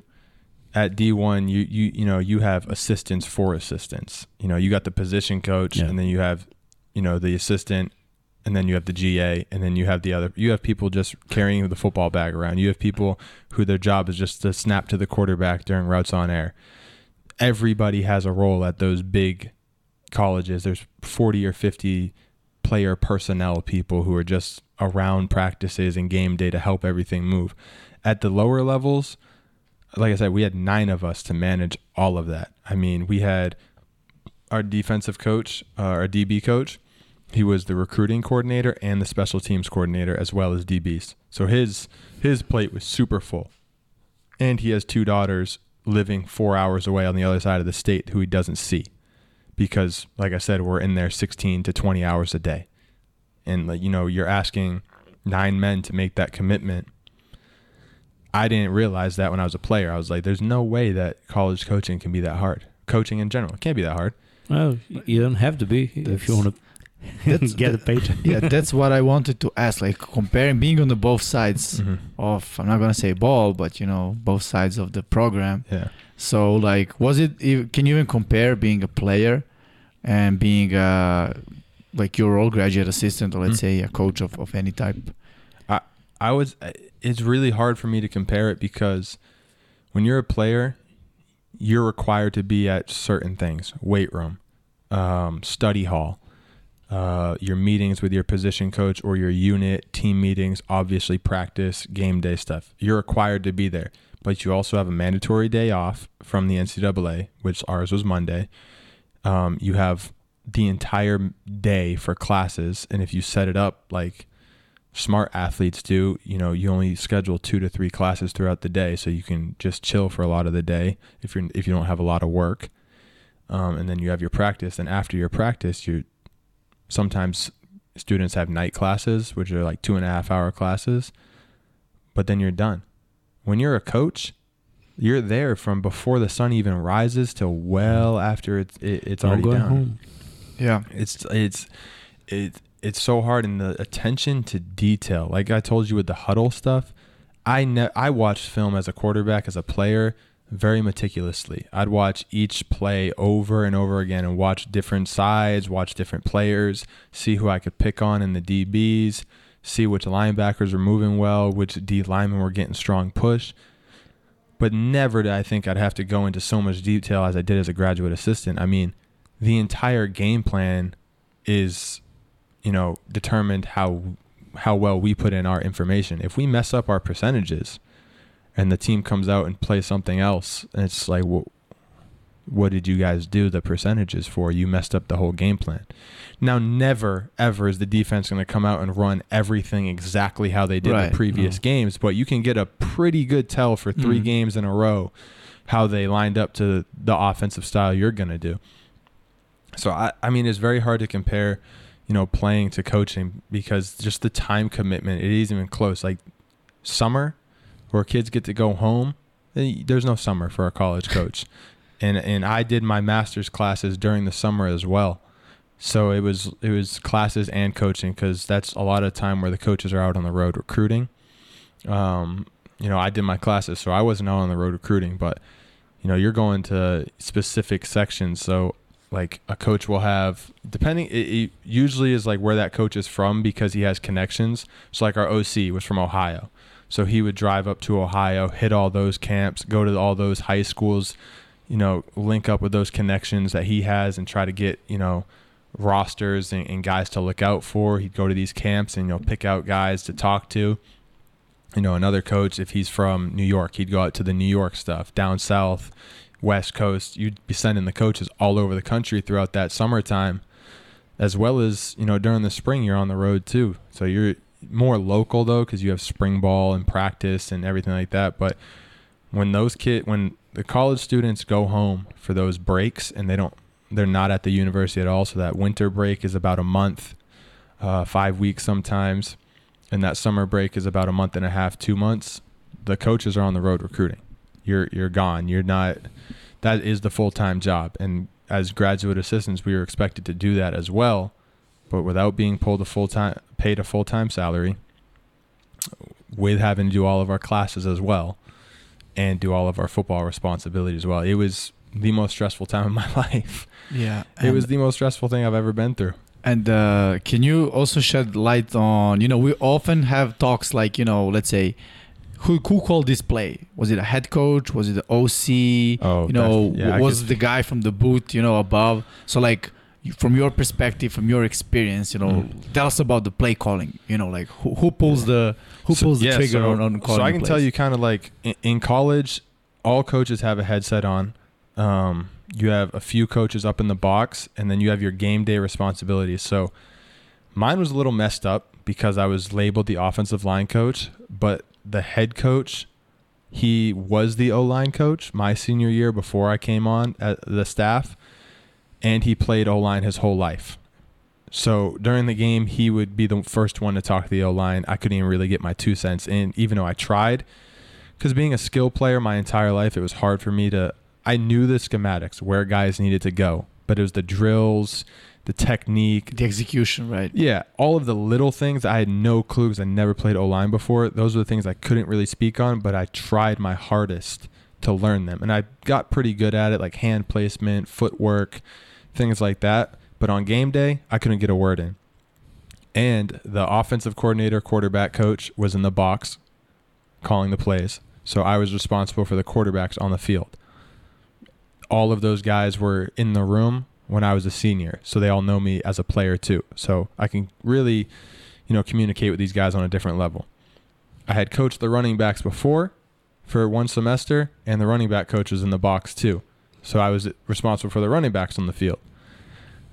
The head coach, he was the tight ends coach, but he would be talking to the O line, so I'd be taking care of the tight ends too. The receiver coach would take care of his, his receivers, but if any of them had any questions, they'd come to me because he also has special teams responsibilities too. Mm. So I was responsible for every position on the sideline offensively except for the one with my title, pretty much. and you know, you're getting in there. The head coach obviously is flipping back from defense to offense on his headset. But part of our issue, and it you know became an, a really bad problem in the middle of our season, was our play calling. Like you said, who's calling these plays? And you know, I remember many times the OC and the head coach going at it on the headset because the OC wants to run a certain play in, in third and six. And you have situations oh yeah, all, all the time. And- prepared. But like Yeah. players cannot hear like the the, the quarterback. no, players can't hear earhead. anything. Now, there's only in the NFL do they have, or professional leagues now, I guess, do they have microphones in their helmets. Okay. So we did everything signal based, Mhm. which I'd be, I'd have two signalers on either side of me, the usually the backup quarterbacks, and I would uh, get it in my headset and I'd say it out loud, and then they would signal it in. One guy would be fake signals, one guy would be the real Yeah. signals. So the we guys, would played one year like that. yeah. And so they couldn't hear what was going on, but I can hear what's going on in the headset and I can hear the OC calling one thing and the the head coach saying, No, no, no, no, no, no, no, no, we're not gonna run that. Let's run this. And I'm looking at the play clock like we have we have a twenty five second play clock, there's twelve seconds, we don't have a play in. Like, oh, guys, we gotta bang a timeout. And then we wasted a timeout in the first quarter and score zero zero. It's like, what are we doing? And I remember one instance we we knew pregame the headsets were a little you know patchy. We couldn't really hear that well because Mhm. that we were on the far side of the field. It was an away game. The The press box was really high up in the stands, so the connection wasn't that great. And we we test we test them out, check check before the game, everything, and we knew that there was you know some connection issues, Like a delay or like a breakups. like breakups. Breakups, like it was just like kind of Too far away staticky. for It- signal. yeah, and like the OC called the play, and I don't know if he said it wrong, which I believe he did because he said it to me. I believe he said the play backwards, like the wrong formation, and or the right formation, but called the play the wrong way, Mm-hmm. and we got we ended up getting tackled for a safety, and all eyes were, or, or all the blame was on me. They're like, "You called the play to the signalers. What the hell did you do?" And I'm like, "That's how you called it." And I'm like, I, I don't. That's how you called it. And actually, one of our signalers, he has a headset on too, and he was like, "That's how he called it." And the head coach pulls me all the way down behind the sideline, like all the way away from everybody. He's like, "What the heck are you doing? You trying to sabotage this? Uh, all these things." I'm like, "That's what I heard." I was like, "I don't know what you want me to tell you. I hear what he says, and I tell the signaler, and he signals it in. If he made a mistake, that's on him. If I made a mistake." I'm I'm not really Just the messenger. yeah, right? I'm not thinking about it in that time. I'm just Right. saying what I'm hearing. And if I can't really hear it because the connection is off, I, I hear staticky, then I have to fill it in myself sometimes. Mm. And there were so many instances where, where they would go back and forth. And during that year, our head coach actually came down with COVID and he had to be out for 14 days in the middle of the season. We were, um, had two winnable games. The first game, we won. And our head, our OC was our acting head coach, and he called all the plays. We won the game, and this was at we won the first two that year, lost the next two. Then he got COVID, and then we won, and then we won again. And it was like, okay, well, we were losing and having offensive struggles when the head coach was here. So now that he hasn't been here and we're having offensive success, what is the issue? And being a player with the seniors, juniors, and sophomores, a lot of these guys would come to me behind closed doors and they'd say, Hey, like, what are the coaches doing? Like, why is, you know, the head coach sabotaging our plays? Obviously, we're better when he's not trying to call the plays because people can hear you on the sideline when you're changing plays. Just because you're speaking into a microphone doesn't mean the people around you can't Yeah. hear you. Right.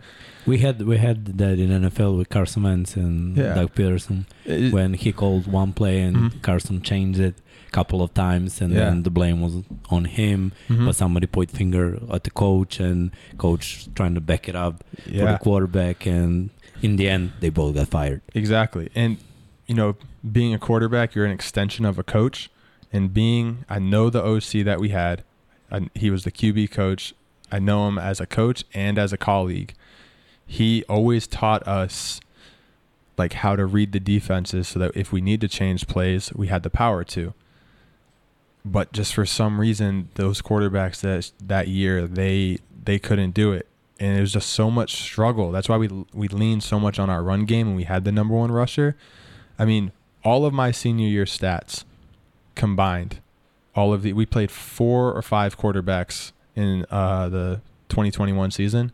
All of their passing stats combined did not equal mine alone in 2019. So we really struggled, and there was a lot of pointing fingers. Like, okay, well, oh, it's the quarterback play. No, it's the coaching. No, it's it's you know the sideline distractions. It's the off the field distractions. It's it's this. It's that. It's the defense in practice. They're not helping us. They're just bullying us. And you know, at some point in time, as coaches, we're like, "Will you guys just man up and play football?" Right. Like, I, like, where's all these excuses coming from? And then behind closed doors, though, when it's just the coaches, there's a lot of finger pointing, saying, "Okay, well, we lost this game because at this point you called this play, when we should have ran this." And it's like, okay, well, now the OC and the head coach go and have a private conversation down in the head coach's office because several times in the previous game the, the head coach changed the play with five seconds to go. He's running down the sideline, you know, Yelling. yelling and changing signals and things like that.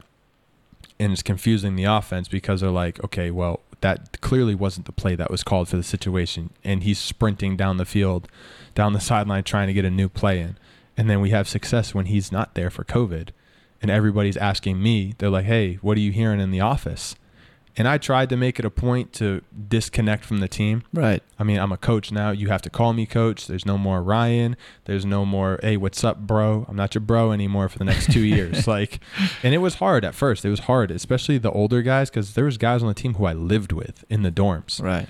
Like, They have We to change some- the perspective. yeah, we did some things that coaches and players ain't supposed to do together. so they knew a different side of me. So it was hard, but you know, those older guys, they actually got the younger guys to fall in line and call me coach right away. I mean, they started away the uh, Coach Barabee, Coach Ryan. And, and and one thing you brought up, uh, I think it's also very interesting for, for us to know, and let's say for for for the, the people following, it's like uh, how you played for let's say a, a couple of uh, offensive uh, coordinators and head coaches, right? So how often do you have a power as a QB to change the play? That's something we often discuss. Like, so he he c- he changed the play. Is he allowed to do that? We see some quarterbacks in the NFL never change the play. Like Mhm. they they gotta play, you know, and I mean he clearly knows it's a, it's a bust, you know, if they're gonna run into the blitz, right? Yeah. But he he didn't he didn't call it away, like he didn't say, hey, let's let's change it up, or guys just Mhm. changing it up too often and not having success. Like how how um, often do QBs actually have this, you know, authorization from the head coach? So I mean, it, it it obviously depends on what type of quarterback you're dealing with. I mean, I've always pride myself on my mind first. I want to learn the ins and outs of every play, how it beats the defense.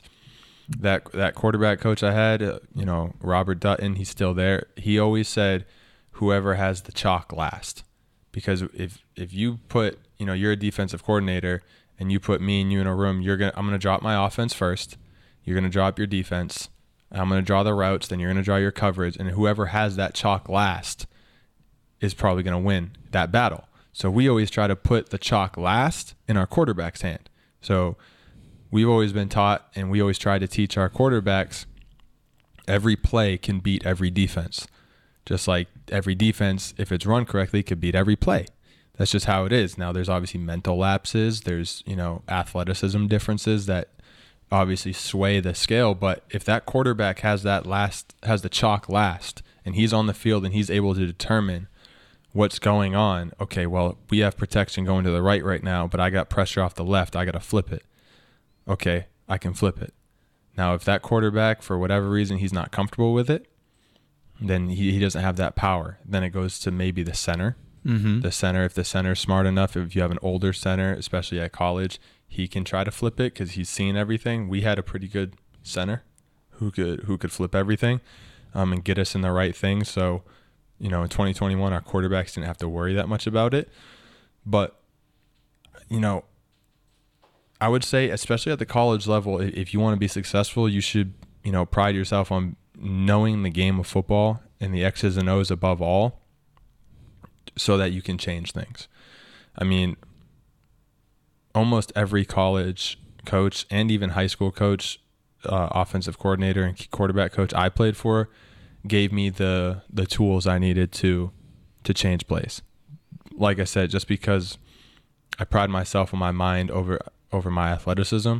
Now, athleticism can get you out of a lot of things, but if you don't have to take hits, scramble, you know, do all these crazy things that like Lamar Jackson and Kyler Murray do, just by knowing what the defense is going to do, then by all means do it. Change the play. Like Tom Brady did. Yeah. Tom Brady. Sometimes you have a coach who doesn't like that, Yeah. like like Sean McVay. hmm he mean, likes everything. you can- the way he yeah. has it. This is how I draw it. Mhm. This is how I called it. Mhm. This is how you're supposed to do it. Now, like plays, like coaches like that, I think their offenses, and you know, e- even if the, he he's a defensive coach like that, they're so confident that they're got that they have taught their guys that this play run this way will beat any defense that you see. So if you, uh, you know, if I'm a quarterback and we're running a certain concept, and you know, I'm taught, okay, this is how it beats cover three. This is how it beats cover four. This is how it beats cover two you just have to read it out on the field. That's why I, I think like coach like Sean, McVay, I mean, he has such a high powered offense. He's like, okay, I have these plays that can beat all of these multiple coverages and pressures and anything like that. It's you guys on the field. After we teach you, you have to do it. And I mean, it works. They won the Super Bowl. Right, They won right, the. Super Bowl. It's a successful story in, in, at the at the end. Yeah, But, like, not uh, all the time. That doesn't work all the time. Right, right, right. It it actually depends on a couple of different things. Mm. But um, yeah, what I also wanted to to like uh, hear and, and get get to know is like, you know, so the programs, let's say teams, uh, universities, whatever, they first hire the head coach, right? Then the Mhm. head coach does the rest, like he hires his guys and everything. Mm. And what about philosophies? Like, is it like the, you know, the offensive approach, offensive philosophy, the defensive philosophy? How is it gonna be like head coach comes at the beginning of the season or like the off seasons and he's like, hey, I want to run the ball sixty percent of the time. I wanna do, I wanna, you know, have a three front defense, four Right. front, or he's he like asking his OC, hey, you know, what do you got for me? You know, Yeah. how does so- that work? Um, again, th- that just depends on what type of coach you have. I know our staff, you know, the head coach in his, you know, hiring process really wanted to know what the OC and DC wanted to run. Um, you know, our offense was as close to 50-50 run pass that you could be. I mean, that's what we aimed for. Obviously, my senior year, we were 70% pass. And then when I was a coach, we were 70% run. Um, you know, it just didn't work out. And then, you know, Coach May on defense with his crazy flex defense, you know, he had to first explain that to the head coach. And, you know, if he explained it well enough, then that's what we're going to run. So, like, the, phil- the philosophy of, you know, the X's and O's of what we're going to do, I think, in my experience, was really up to the OC and DC. Now, if you have a head coach who's a mastermind of, you know, one side of the ball or both sides of the ball, then he can kind of say, okay, well, let's sit down. I want you to give me your offensive or defensive ideas. I'll give you mine, and we'll see what we want to put into our playbook together. Um, you know, I think a lot of coaches probably everywhere do that because you know the head coach, he's not just some guy who just oversees everything. He knows football. I mean that Right. that pretty much anywhere. That's why he was hired to to know football. And like those coaches I had before, the head coach was the DC, so there was no defensive coordinator position at all. He was the defensive coordinator. Now, his philosophy was all over the place because we were letting up 52 points a game. Um, it had nothing to do with you know the players we had, but you know with that new staff, it was definitely about the the scheme that we had, and you know with philosophy as far as philosophy goes, you also have your overall team philosophy. You know how you're going to develop these young men in college. I mean, we we had something called CPCW, character, pride, care, win. So, you know, first thing is character. Everybody's going to have, you know, we're going to recruit guys with high character guys. You know, they're upstanding gentlemen.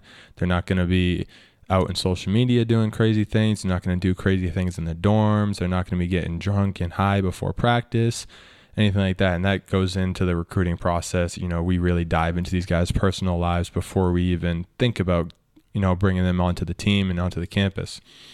Uh, the second was was pride.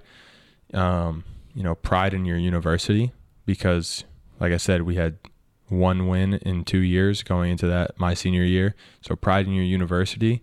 to you know play for we were crimson and, and red uh, or uh, crimson and gold.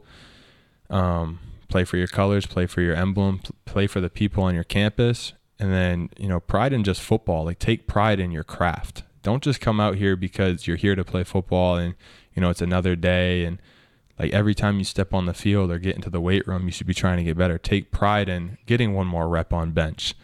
Take pride in you know your three step drop or you know your your catch technique as a DB or your ladder drills or whatever it is, your stance and starts. Take pride in every single rep that you're going to do because it really is the little things that make the difference. I mean, every single time we did stretch or sprints, everybody's hand was behind the line, everybody's eyes were up, and when he blew the whistle, you yelled win. If the win wasn't loud enough, we ran sprints. If somebody's hand was on the line, it didn't count. If somebody's eyes were down, it didn't count. Those very, very little things, and all the coaches are paying attention to these little details and, and everything like that. The last one was care, or the the third one was care. Um, you know, care about your teammates. You know, those are your brothers. Those are the guys you're going to spend the most time with. Uh, care about football again. Care about it to such a high level that everything you do, film study, field work, weight room, meetings, everything you do is at a super high level. You know, your attention to detail and everything has to be at 100%, 110% if you want to change how that program is and move it forward uh, care about your university. Like you shouldn't be going around as the football team. You attract the most attention. You're the biggest guys on campus. You're the strongest guys on campus, and you're the biggest team. So the administration is watching you. The other teams are watching you. The non-athletes, the people in the town that just live there or the city, they're watching you. So you have to care about everything that goes with that. You shouldn't be going around throwing garbage on the ground or you know, drawing all this unwanted attention by doing things that you aren't supposed to be doing. And then the last one was win. What are we all here to do? Why do we play the sport? To win games. And if, you know, all those previous three lead into that, and if you do those three right, the wins will come. They'll take care of themselves. I mean, if you if you're not if you're going to pass by those first three and think that you're going to win games, you're crazy and you're playing the wrong sport because all those little things they add up and that's how you win. And like I know each program across the the world has different philosophies like that. I mean, I can just tell you that that one has worked so far. I mean, we went 0 and 11, 1 and 10, 2 and 8, then 5 and 6 with this. So in the past four years, we've already jumped Yeah, with that with that program. almost to fifty percent. Yeah, Each year, yeah. yeah. It's it's been a crazy turnaround, and I know this year they have very very high expectations for you know my alma mater. So I don't know how they're gonna do. I hope they do fantastic, but you know those that's a little bit about the philosophy that that we had, and it was like I said, it worked. It was fun. Nice, man. Yeah. Nice. I mean, it's it's. I think it's uh, really. I mean, it is to me, you know, enlightening to hear all this uh, experience uh, of, of of yours, and you know, just like being able to to share. And, and again, guys, I'm I'm underlining this is D two, right? So I mean, Yeah. we're it's talking not even the highest yeah. level. It's not like the highest level in college, and it's not the highest level like in the world. I mean, Mhm. the NFL, right? So Yeah.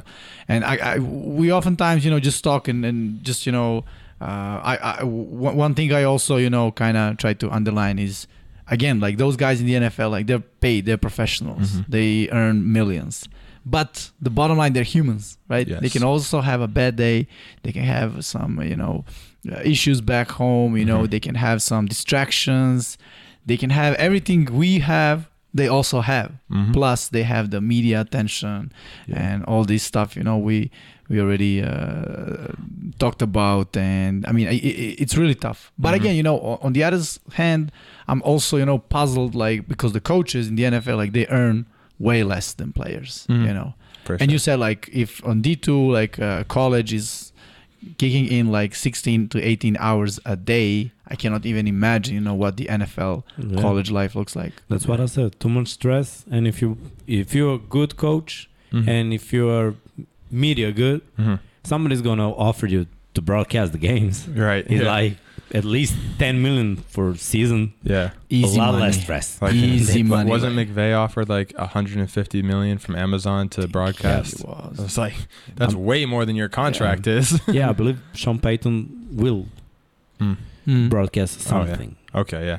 And like Tom Brady got like the offer advance. Oh, yeah, you know, already- whenever he decides to quit. Yeah, like, whenever he's done, he's already lined up to go. 350 million Yeah, 75. more. for seven for 10 10 years. 10 years. Yeah, 37.5 already, already more than all of his earnings in the NFL Yeah, through over his 20 That's plus just year crazy. career. And like to be honest, I think that like for the first a y- year for sure, he doesn't even have to prepare. Just come. You know, it should be Yeah. just like Yeah. I I know this guy.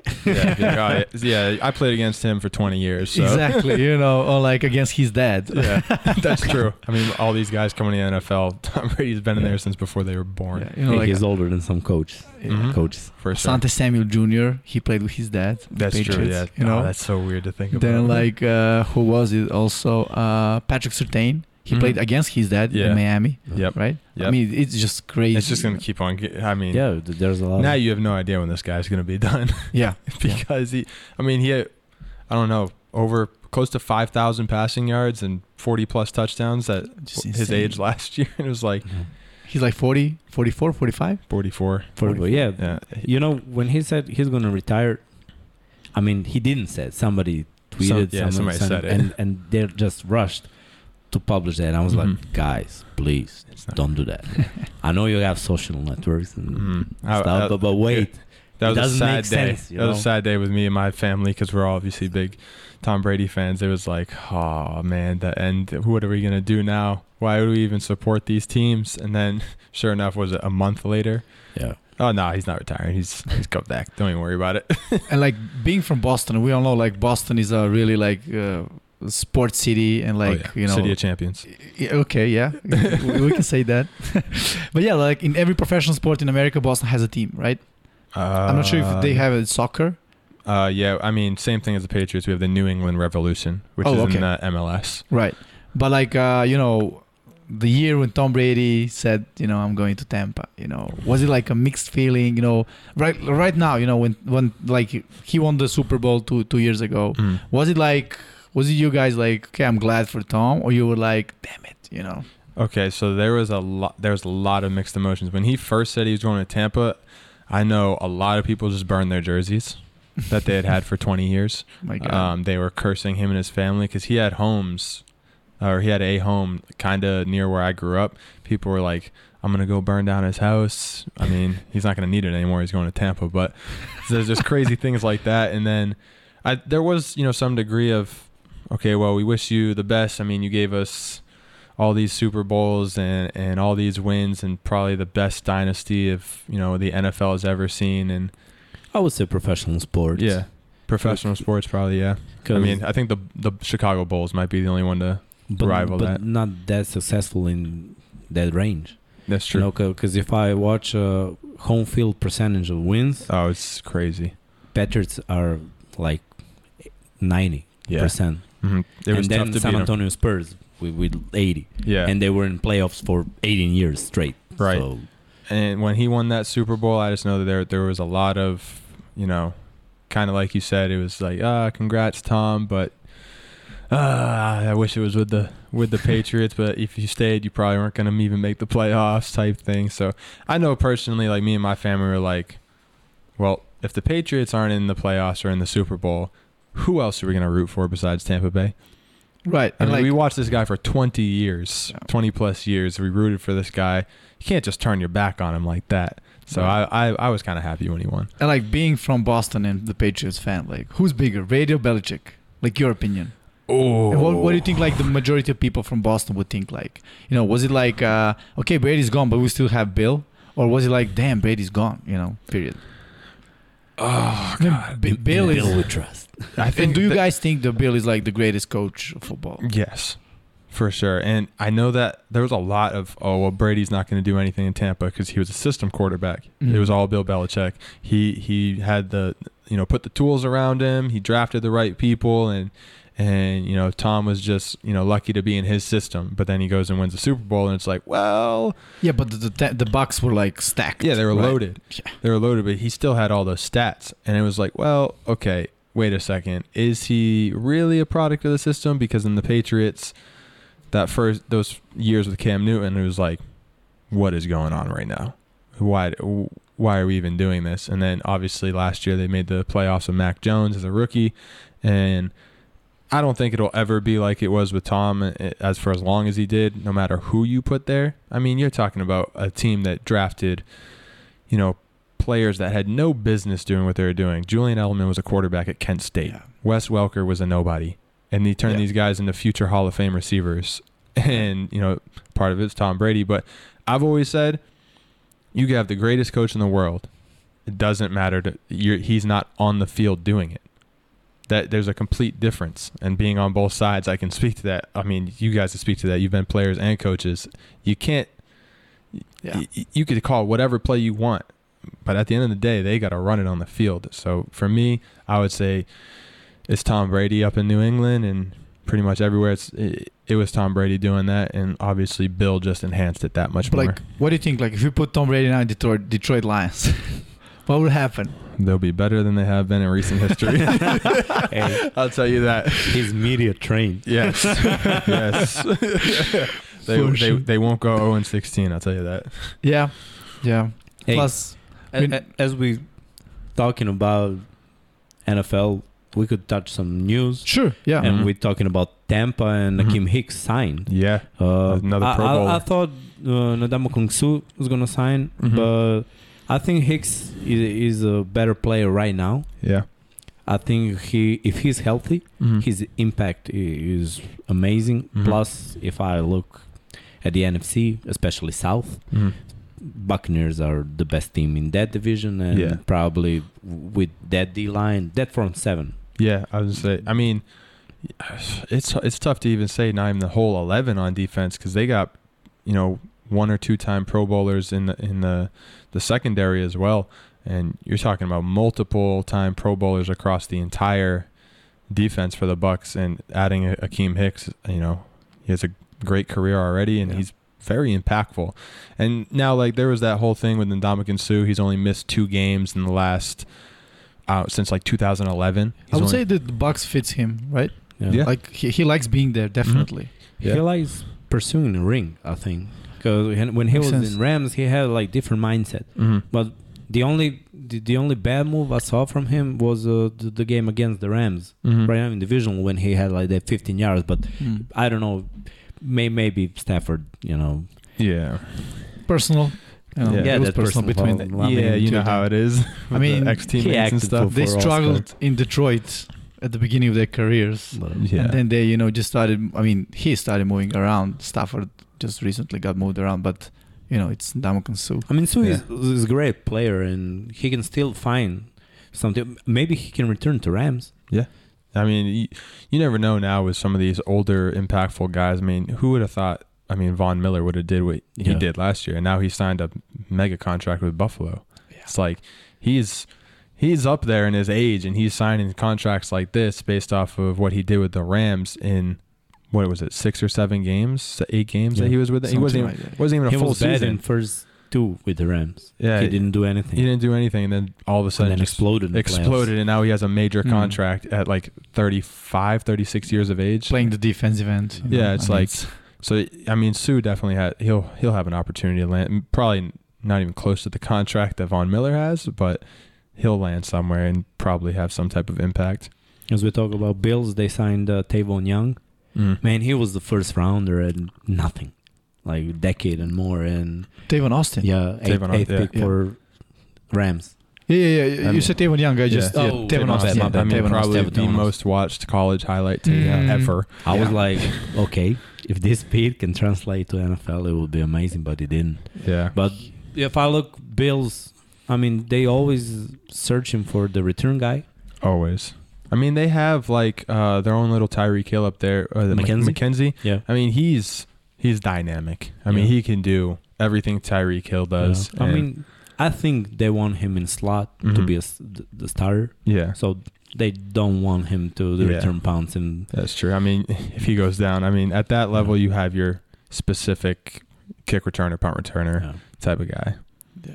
There's a nice comment. Von Biller, now playing for the Bills.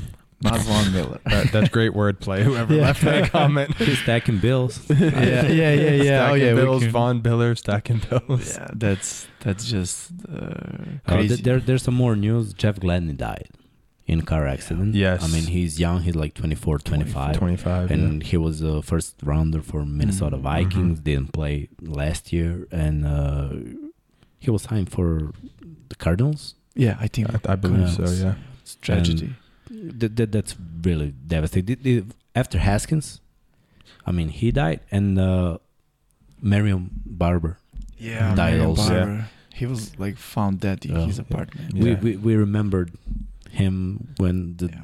Hard Knocks, Mm. Could be. Yeah. the 2008. Something we like watched that. uh, We were young, our third, It was a second up, or third pump season. up video yeah. before the game. Pump up hard knocks. I know the the Dwayne Haskins situation was, you know, hit a little different because he was obviously with the Steelers, um, which is right where I went to college, and actually one of my former teammates was his barber, and cut his hair all the time, and he really took it took it pretty hard, especially after the comments. I think it was Adam Schefter put on Yeah, Twitter, and Yeah. it was just like, and he ended up apologizing about it. But I mean, he got so much criticism for, oh, he was a struggling quarterback, and he was trying to find his like the guy just Yeah, and died. he should.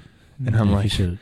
like that, he, that's not the proper way. I'm like he just in that moment, died that day, and you're out here talking about his play. yeah how how he was struggling to find a home in the NFL, and I know that like a lot of people took that because I mean I don't even know the full story. They said he was like hit on the side of the road and It, was some weird like connotation, you know, like Like- like, unexplained, yeah, fully he- unexplained. Yeah, like he was getting walking to get gas for his car on a highway and got hit by a truck or something like that. And that's the story I heard. Yeah. But then I've seen other things in the news that he was, you know, doing all these things. But I mean, at the end of the day, you got these young guys. I mean, Dwayne Haskins was younger than I am.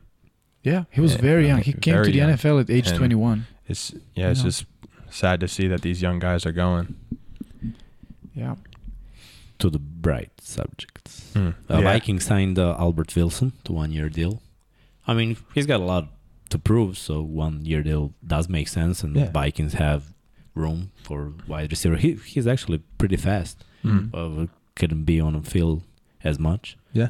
I mean, Kirk Cousins is definitely better solution at the quarterback position. 'cause he Seven play with- consecutive seasons with 4,500 passing yards and I think it was over 25 passing touchdowns. Captain Kirk. seven consecutive years of that, and the next closest quarterback was like four. Yeah, Yeah. but again, you can't say like he's elite, right? I mean, or can you? I don't know.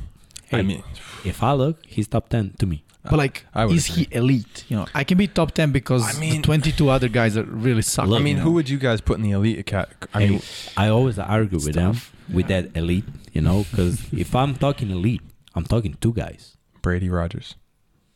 I mean, pretty That's much. it. Period. That- yeah. that- that's it. That's elite. If Yeah. we're talking elite, that's elite. yeah. Who can be elite? Mahomes and uh, Allen, Allen. Allen, yeah. Herbert. Herbert, definitely. Yeah, they can be, but that's two seasons. I I know mean- what's elite. You you had to have you know something behind you. You know. Yeah, so you you can put seven seasons with good stats is not the same like two seasons with great stats. Mm. Yeah. Okay, may, maybe the third year Okay, will be a down year. Let's let's have uh, this conversation like Matt Ryan or Kirk Cousins. Who would you pick? Kirk Cousins. Kirk Cousins. Yeah. All right. Like I- even even He can despite the fact that Ryan is now at the Colts, like not the Ryan from the Falcons, but like potentially I mean, I this year. He was Fantasy with football, you have to pick the QB. Those two are Kirk Cousins because he has uh, Jets. He has Justin Jefferson, who in the first two seasons has the most receiving yards ever. Um, definitely with him. Yeah. And Thielen. Dalvin Cook is a great running back and receiving back at that. So again, more stats for for Cousins for fantasy. So I, I would personally go with him. And I know up in Indianapolis, we all saw what Jonathan Taylor did. There's gonna be a lot of running the football up there. You So- don't think like the Colts gonna switch it? I think they're gonna switch it up because now I think they're But they have The coach. Hines. They have Nyheim Mm. Hines as the backup, who he spells, you know, Jonathan Taylor really well, especially as a receiving back. But I mean, Jonathan Taylor was was Yeah. averaging like I think it was six point three yards a carry on the Yeah. year. Hey, before before draft, everybody said like we were talking about running backs, Vanya, and, and Mhm. maybe we liked you know to do mocks and everything. And I was Mhm. like, hey, the guy had two thousand and more rushing yards. He didn't miss a game. Plus, he's track star. hmm I mean, Come on, he's fast, he's big, he's physical. He's Um, everything you want yeah. running back to be, Yeah, he's like and he the just next coming it. of Adrian Peterson when he was young Yeah, in the in the in the NFL. probably. Yeah, but I still believe that you know uh, Frank Reich is like a former QB. Come Mhm. on, Yeah, he likes That's to throw the ball. I mean, he threw the ball with Carson Wentz. yeah. Mm, They But- lost yeah. games because of that philosophy. You know, yeah. he even forced too much out of Philip Rivers in terms of you know Rivers was at his last season. They had a Jonathan Taylor as a rookie, Mm, showing everyone But that he he's didn't beast. play. He uh, he wasn't the first back. Marlon Mack was the first. yeah, back. that first year, yeah. What He- about uh he was the backup. Did you guys hear about the potential? It's not the Browns fans are going pretty crazy because Watson might be suspended for the whole season and he has this contract. Hey, I didn't hear the whole season. I heard the six games. I just read something earlier today. It might be six games, but what I read earlier was um, Browns fans uh, up in arms about potential 2022 entire season with Baker Mayfield again. for for Deshaun Watson suspension because I think what is it 23, 24 allegations now. Yeah, twenty four. 24 Yeah, allegations. one was added recently. and like how how long can they keep on like this is just going to keep on like it doesn't seem like they're coming to a conclusion on this case or these cases. And I mean before we know it the season's going to be here and if they're Yeah. unresolved, I don't see the NFL allowing him to just jump in and start playing. You know, I believe he didn't offer enough money. That's what I think. Mm. You know, you're from the states. Yeah. Be real. Mm. You live by the money. You die by the money. That is true. If That you're suing somebody, what you want? Yeah. Him to suffer, or to get paid? It's true. it's usually It's the other thing, right? Yeah. Option B. Yeah. Uh, I mean, I, this, this I mean, he, situation. he's almost the highest paid quarterback in the NFL. mm-hmm. And By a little, he, he's Yeah. not. But So you Come want a piece of that money? that's true. That's true. I mean, I mean, on. people. I mean, a lot of people I've talked to, especially back home, they don't like when I say it, but I find it super hard to believe that it's just one after another, with all these things, all these allegations, and I'm like, there's just no way. Hey, but I mean, listen, I, I don't want to make any like allegations, but Mhm. listen, whenever there is a, an issue between a guy, a, player, and a team, like let's rewind back to Antonio Brown, oh, God. similar situation. So once he got in a fight with uh, Mayock, right, the GM, hmm like what happened? Like a week after similar allegations. Yeah. What happened with Deshaun Jack uh, Deshaun Watson? So like he was mad. He basically Yeah. asked for a trade because he was not He's not happy in. Te- in he's not happy because like he wanted to be what Mbappe is now in Paris Saint Germain, right? Yeah. Like everything, you know. Yeah. So they said no, and then he said, "I'm not gonna play," and then I'll, I mean, I I don't know. It's just too many. Um, how should I say that? Like a coincidence, right? Yeah.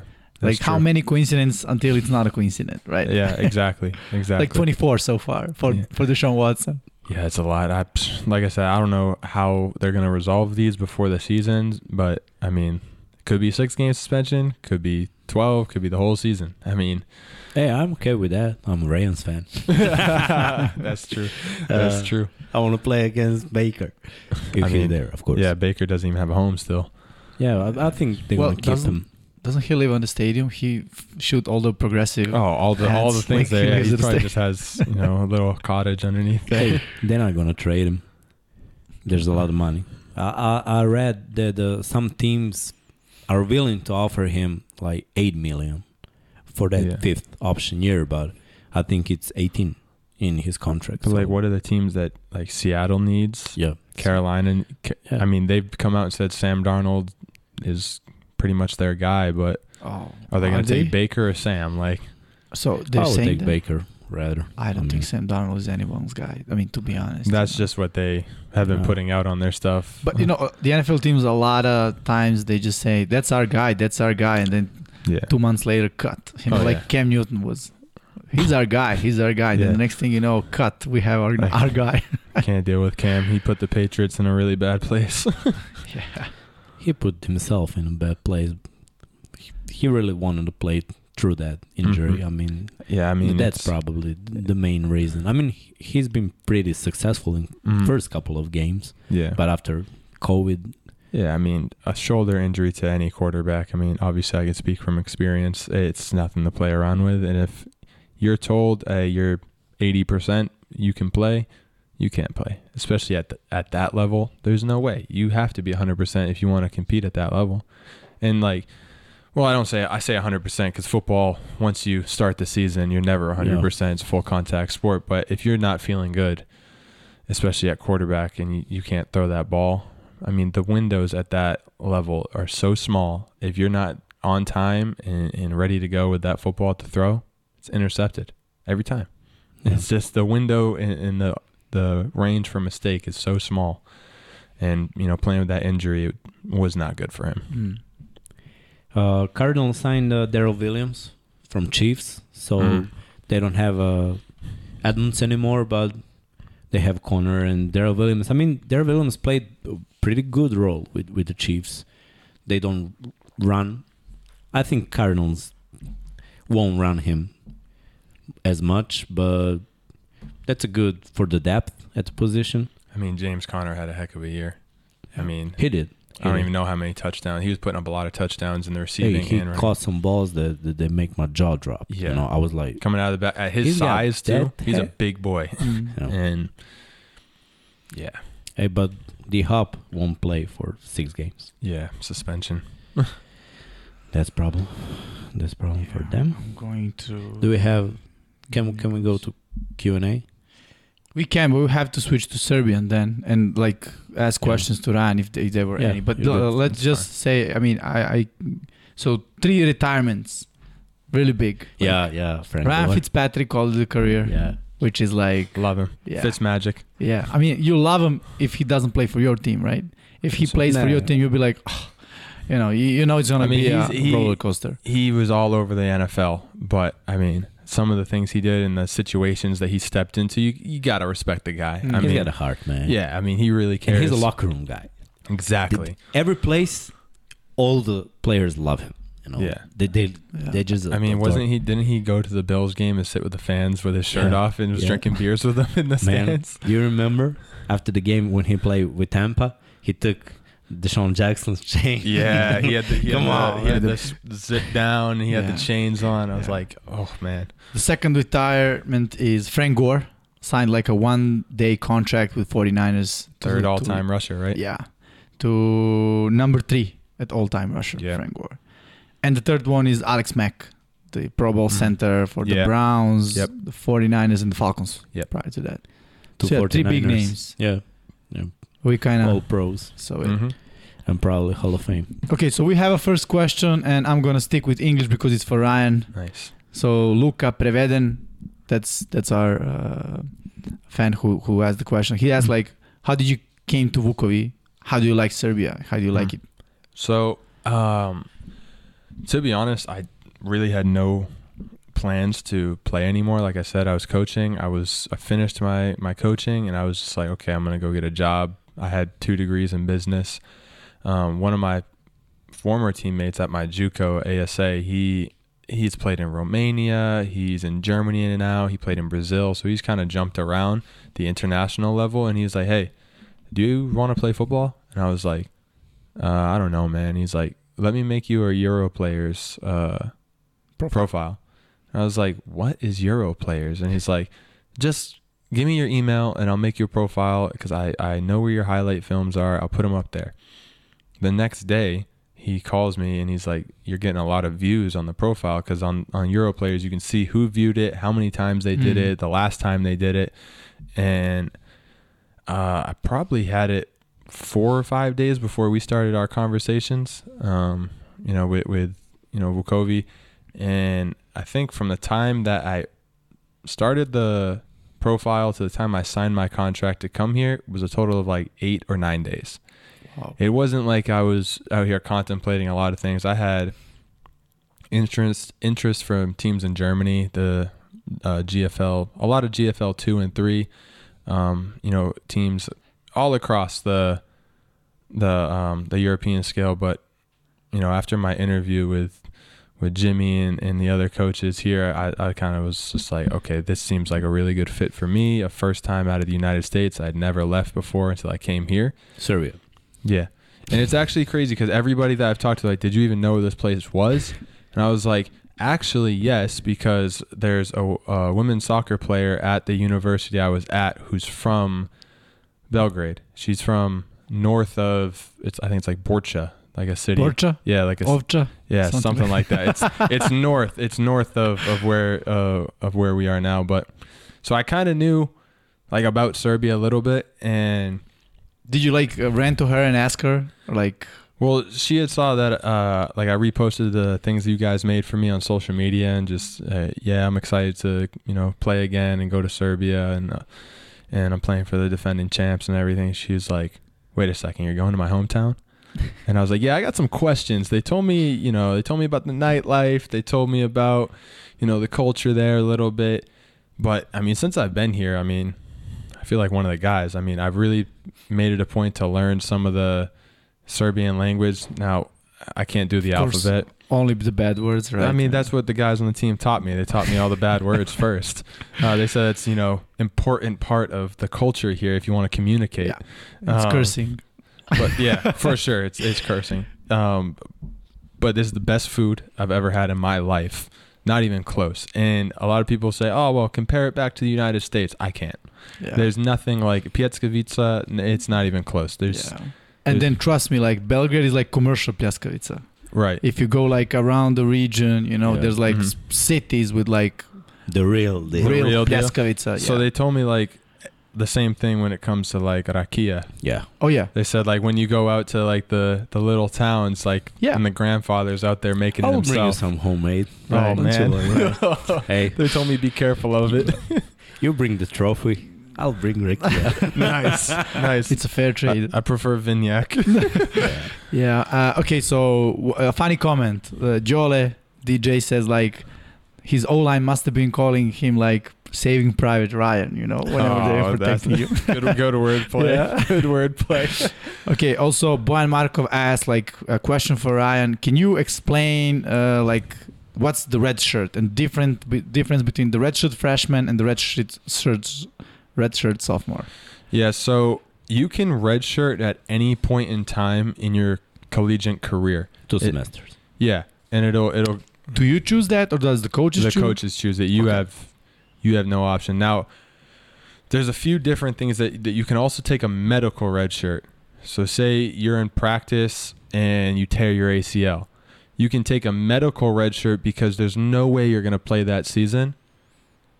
And then you still have your actual red shirt as well. So then you can you can either even go further. Now, you know, coming back from if you have to medical red shirt, it's a very very serious injury and it's hard for you to return to the stature that you played at. If you do that, sorry Mhm. for interruption. Mhm.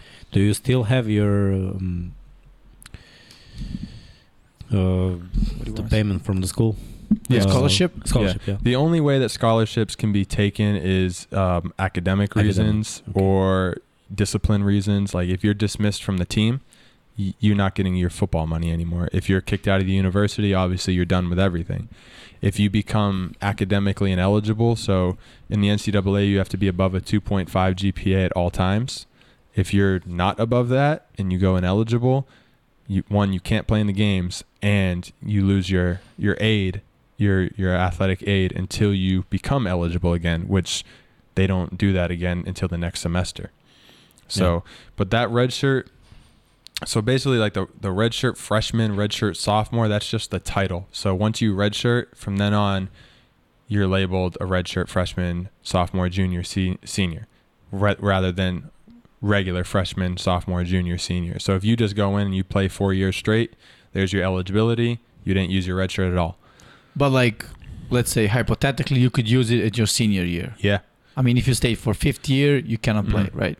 Yeah, so like if you're going to use it later on, normally they would just call that your medical red shirt because it's probably a, for a Mhm. medical reason. Like if you're in your senior year, you probably got hurt. I mean, you're almost done with college. Why prolong it with just red shirting just to try to see if you can play Mhm. another year? Because I mean, at the end of the day, everybody you're there to get your degree, and, and I mean the percentage of people who go on to play professional is very very little, zero point zero one percent. Um, but yeah, I mean they, they you can use it later on, but at the at the very end you get ten semesters to play for four seasons. I mean you can't There's nothing that you can do to change that. The NCAA doesn't let. Now, COVID that year messed all of these rules up Mm. because they granted the a year of eligibility back to everybody. So some of the guys, you know, on the team I coached are going into their senior year, but it's technically their sixth year in college Mm-hmm. and they're all going for their master's degrees because you you can't play college sports without being in school. Mhm. So they're all going for their master's degrees and you know a lot of colleges, especially the lower levels, D1's obviously different. They're running into issues with people because a semester starts or a, a school year starts in the fall, which is obviously when you play football, and then graduation is in May. And a lot of schools are running into athletes getting this year back and they're going to do their masters but leaving and not finishing so that they can just play their last year of sports. And you know, that doesn't look good on paper because especially in graduate programs like you it it shows up okay, well you had this many people drop out of these programs. And then it starts, you know, the states um, the state boards, the school boards are like, okay, well why did you have 27 people drop out of your business program? And it's like, well, then they got to explain, well, these guys these guys and girls came back for athletic seasons in the fall and had no interest in pursuing a master's. They only did it so they could continue playing. Mm. So that co- the COVID stuff kind of threw a wrench into how red shirts and eligibility works because anybody that was in college and had eligibility got an entire extra year. But like So- bottom line, this that's something that the coaches Yeah, coaches decide so 100%. unless it's a unless it's medical, a medical thing. yeah. Yeah. Yeah. Which even still the the coaches can decide be like, okay, well, he's our fifth string tackle. And is it like most commonly used in like uh, freshman and sophomore year, or Uh, doesn't it- really matter? I mean, once you once you use it in your freshman year, it's most common in freshmen. I mean, unless you're recruited to come in and play right away. There's like one year of just like uh, accommodating to the Yeah. collegiate Yeah, that's that's the main reason And for working it. out. you know. Yeah, I mean, when mean- you're 19, you're not strong enough. Yeah, you hit the gym really hard. Like you have extra lifts when the team's on away games, eh, things like that. Um, you know, if you, I mean, they'll redshirt you even if you are an impact player and can help the team, but you know you're struggling in the classroom, and you know you came into that college without the with the a lower GPA. They'll redshirt you just so you can get acclimated to college Mhm. classes because it is a lot harder, especially at you know colleges like mine, which are smaller private schools um, they'll redshirt you just off that basis alone. Now you still keep your money and things like that, but you don't travel. You know, extra lifts, uh, you know, extra field work, things like that. Um. So one more question. Uh, again, Boyan Markov asks like, um, how often do you see guys like let's say on the lower divisions to play both offense and defense on collegiate level? You know, is it like a common thing or like since you get to college, it's probably gonna be your just offensive or defensive guy? that's that's exactly it. I mean, in, in high school you have a lot of guys that do that, but no matter what level of college football you're at, it's a much much harder style of football, and it, I mean everybody's just more mature. So very rarely do you see people like Jabril Peppers when he was at Michigan playing both sides of the ball. I mean, it is so hard because you are asked to learn so much Mm. about your position, your defense or your offense that you're in, the, you know, opponent that you're playing against. You you have to be at the very best to be on the field regardless. And to do that on both sides of the ball, it's very hard on that one individual person. And, and I mean, you're bringing in guys to play that position. Like they're not bringing in a linebacker for him to say, okay, well, I can help you at running back too.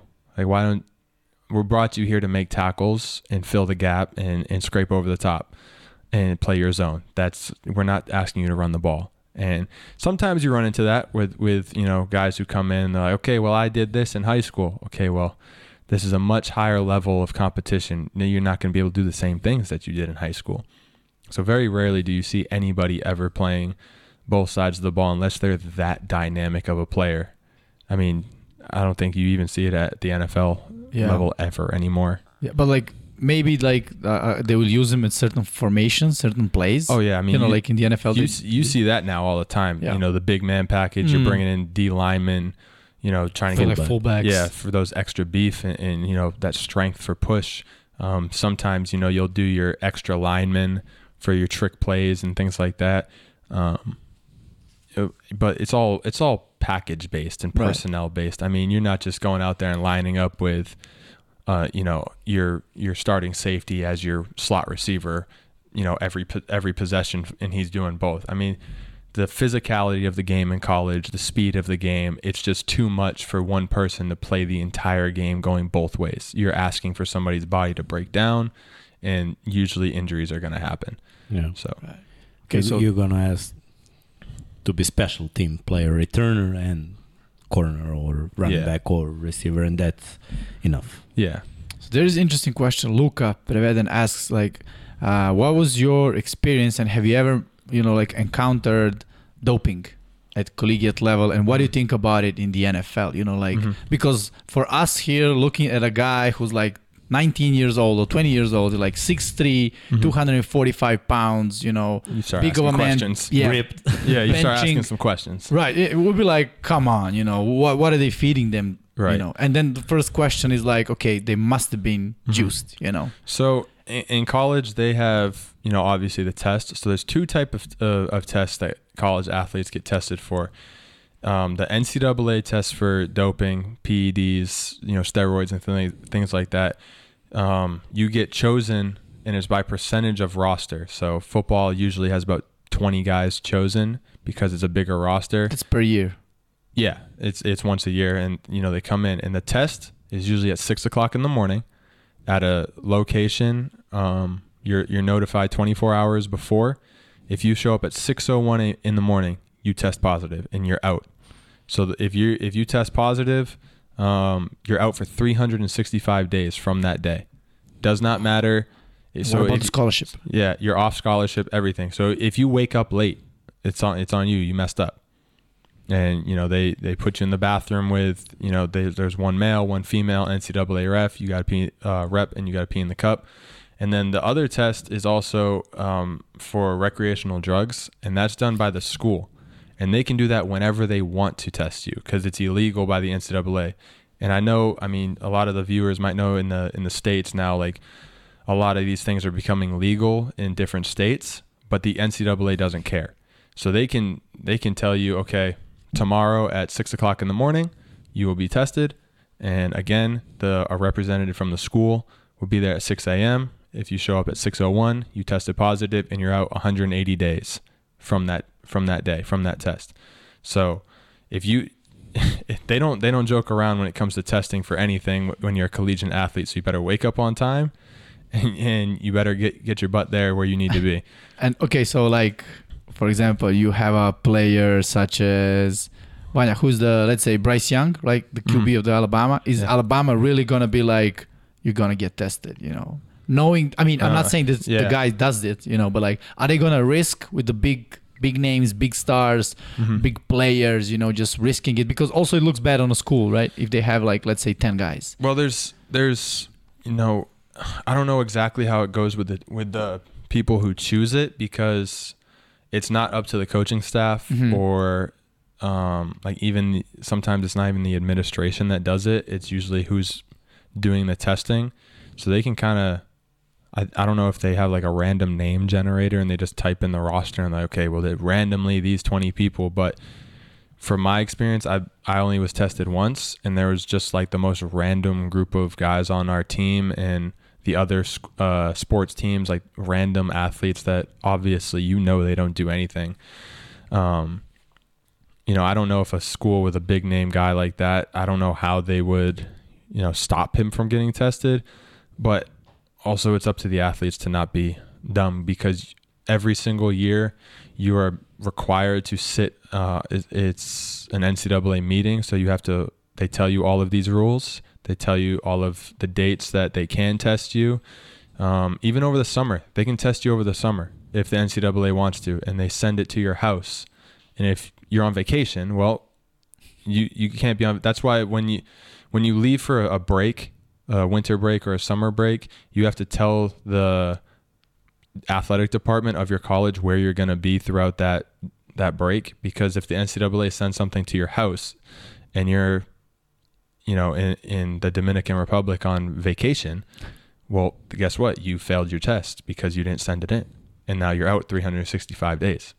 Wow. So they, Pretty strict. the NCAA does not care, and yeah, and then your scholarship's gone because you failed your test, even though you didn't even do anything. And like, what is your experience in terms of? Do you think that there's like, uh, let's say, I don't know, a lot of guys, half of the guys, twenty percent, ten percent of the guys that are willing to, you know, just like uh, use some doping and Mhm. be like, you know, I mean, I know the risk, but on the other hand, I'm gonna play my chances. You know, it will give me, um, it will give me, you know, an edge Mhm. compared to the other guys. Do you think it's it's like common? Because really, like Yeah. some transformation when we hear Mhm. it's just crazy. You know, Eric Yeah. Fisher, like brought into college like a QB, got Mhm. picked number one as a left tackle. Brian Like- Cushing. Brian, Brian Cushing, Cushing, yeah. come on. I mean, those pictures were like, I, I mean, I think now it's it's less likely. I think, you know, a few 10, 15, 20 years ago there was more guys doing it. In my experience as a player through three different college teams and as a coach, I've never seen a guy doing it. I've never heard of anybody saying, "Oh yeah, I'm going to do this so that I can, you know, bulk up and just be so much bigger and stronger than everybody." I, I think there's so much science out there now that you know kind of pushes some of the guys away from it. Also, I know in the bodybuilding world, I have some friends that do it in the bodybuilding world, and it's very expensive. And you know, I- I- Illegal. yeah, I, well, I don't know if it's illegal for bodybuilding, but it is for the NCAA. No, I mean you cannot buy it. Buy it Yeah, legally. no, no, you can't buy it legally. So people are doing it under the table, and it's so expensive. And it's like, okay, well, I'm a college athlete. I'm not at Alabama getting millions of dollars for my NIL deal. I have no money because I'm college sports is like a full time job. I I can't pay for for these you know products to put into my body. So, in my experience, I I don't think any college athletes are doing it. I mean, it's very very hard for them to get their hands on and then continuously do it because it's not something you do one time. right, right. Like that's something that you got to do for months and months and months to start seeing the differences and feeling the effects. And you know, you don't have months and months and months. I mean, you have continuous training and, and everything like that. But those these strength coaches now, and and the science behind the weight rooms, you go into some of these weight rooms at at any level, and you can see from the freshman to the senior year just the diets that these guys are on and the workouts that they do with these coaches and, and professionals who do it, and it's just like wow, Yeah. it's insane the transformations. So I don't even think you really need it. Did you watch the Blue Mountain State? Of course. Oil change.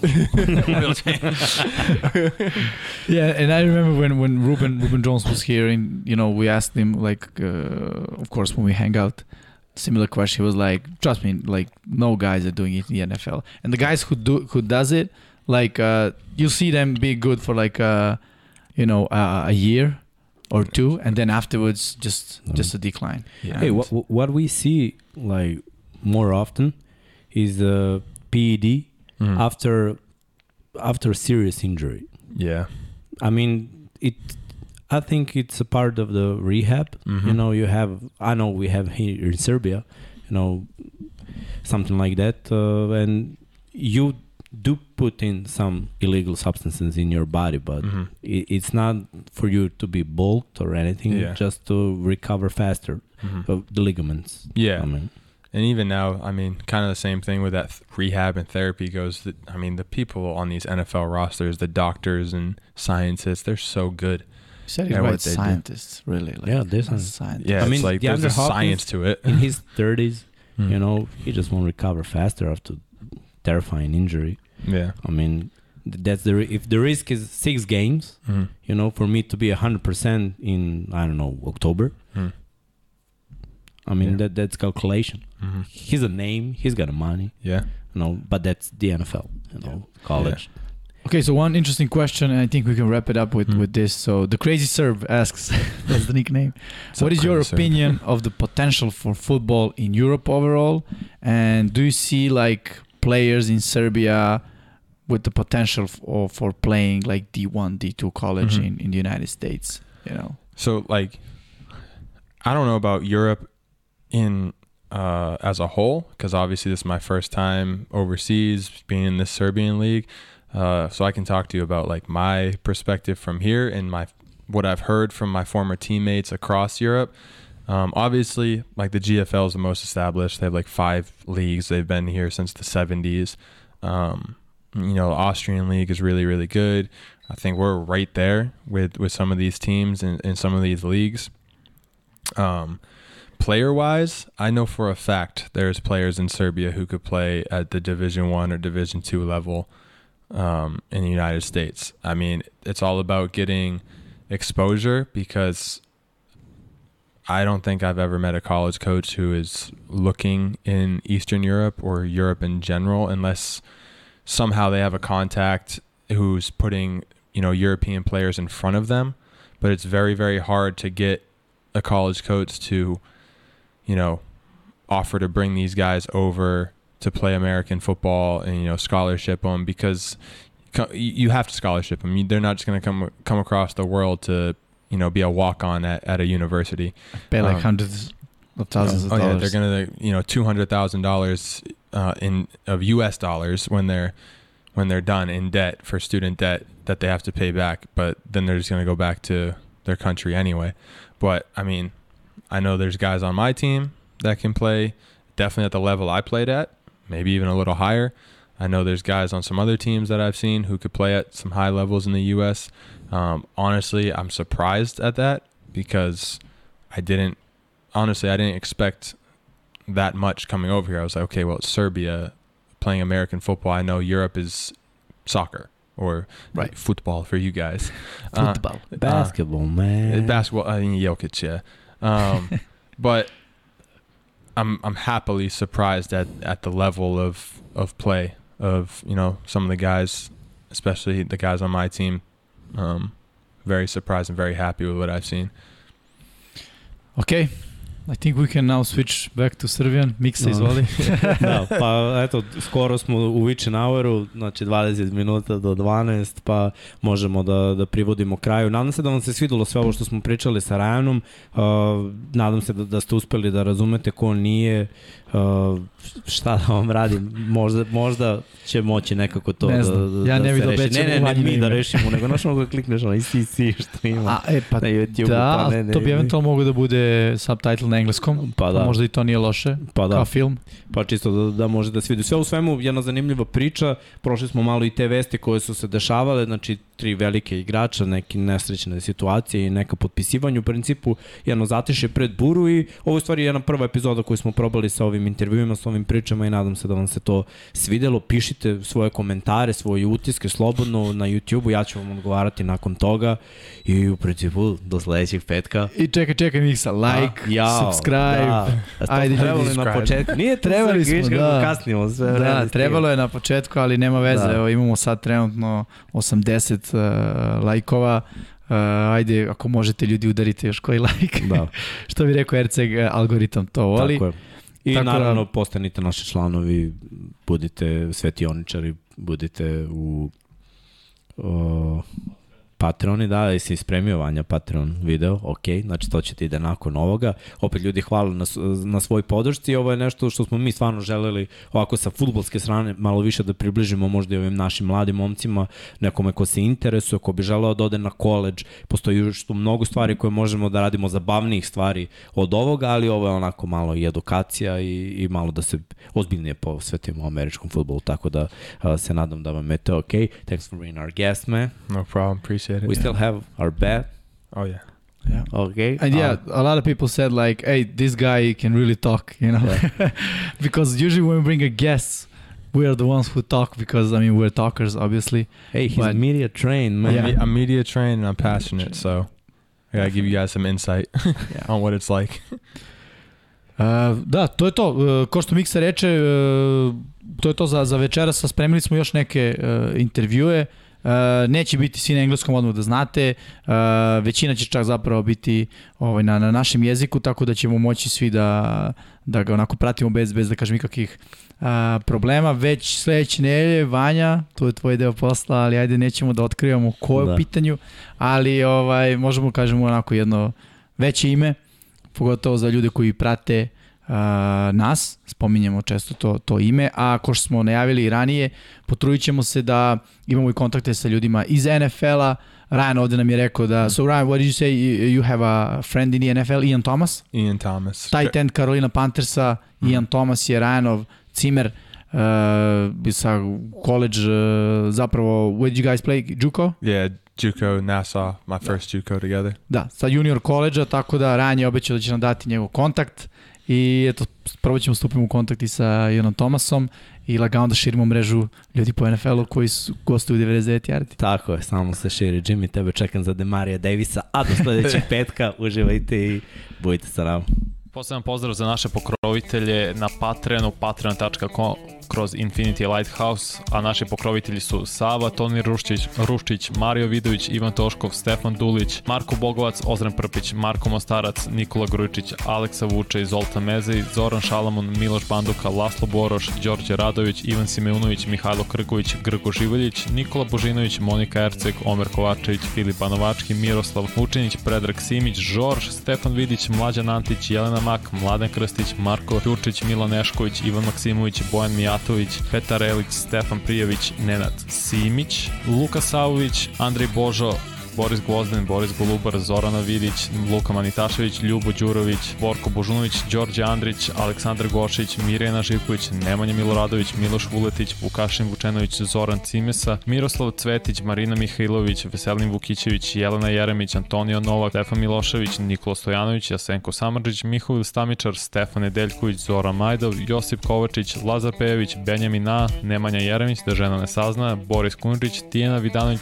Stefan Ličina, Aleksandar Antonović, Dejan Vujović, Nemanja Zagorac, Đole Bronkos, Aleksa Jelić, Aca Vizla, Igor Vukčević, Đole žena mi zna, Branko Bisački, Nena Đorđević, Vukašin Jekić, Aleksandar M, Žarko Milić, Dejan Đokić, Bojan Markov, Ertan Prelić, Igor Kačparević, Alen Stojičić, Depressed Cody Garbrandt fan, Strahinja Banović, Aleksandar Jurić, Vladimir Filipović, Branislav Marković, Vanja Radulović, Đorđe Đukić, Miloš Todorov, Žarko Milić, Emir Mesić, Stefan Stanković, Dušan Ristić, Vladimir Petković, Pavle Njemec, Jovan Đodan, Boris Ercek, Katarina, Ivan Ciger, Andrej Bicok, Mlade Mladenović, Dimitrije Mišić, Bakter Abdurmanov, Andreja Branković, Nebojša Živanović, Jugoslav Krasnić, Nenad Pantelić, Vladan Vlada Ivanović, Stefan Janković, Aleksandar Banovac, Miloš Radosavljević, LFC, Borislav Jovanović i Andrej Milda, Miladinović plus 26 tajnih pokrovitelja. Hvala vam puno ljudi na, na još jednom idite na patreon.com kroz Infinity Lighthouse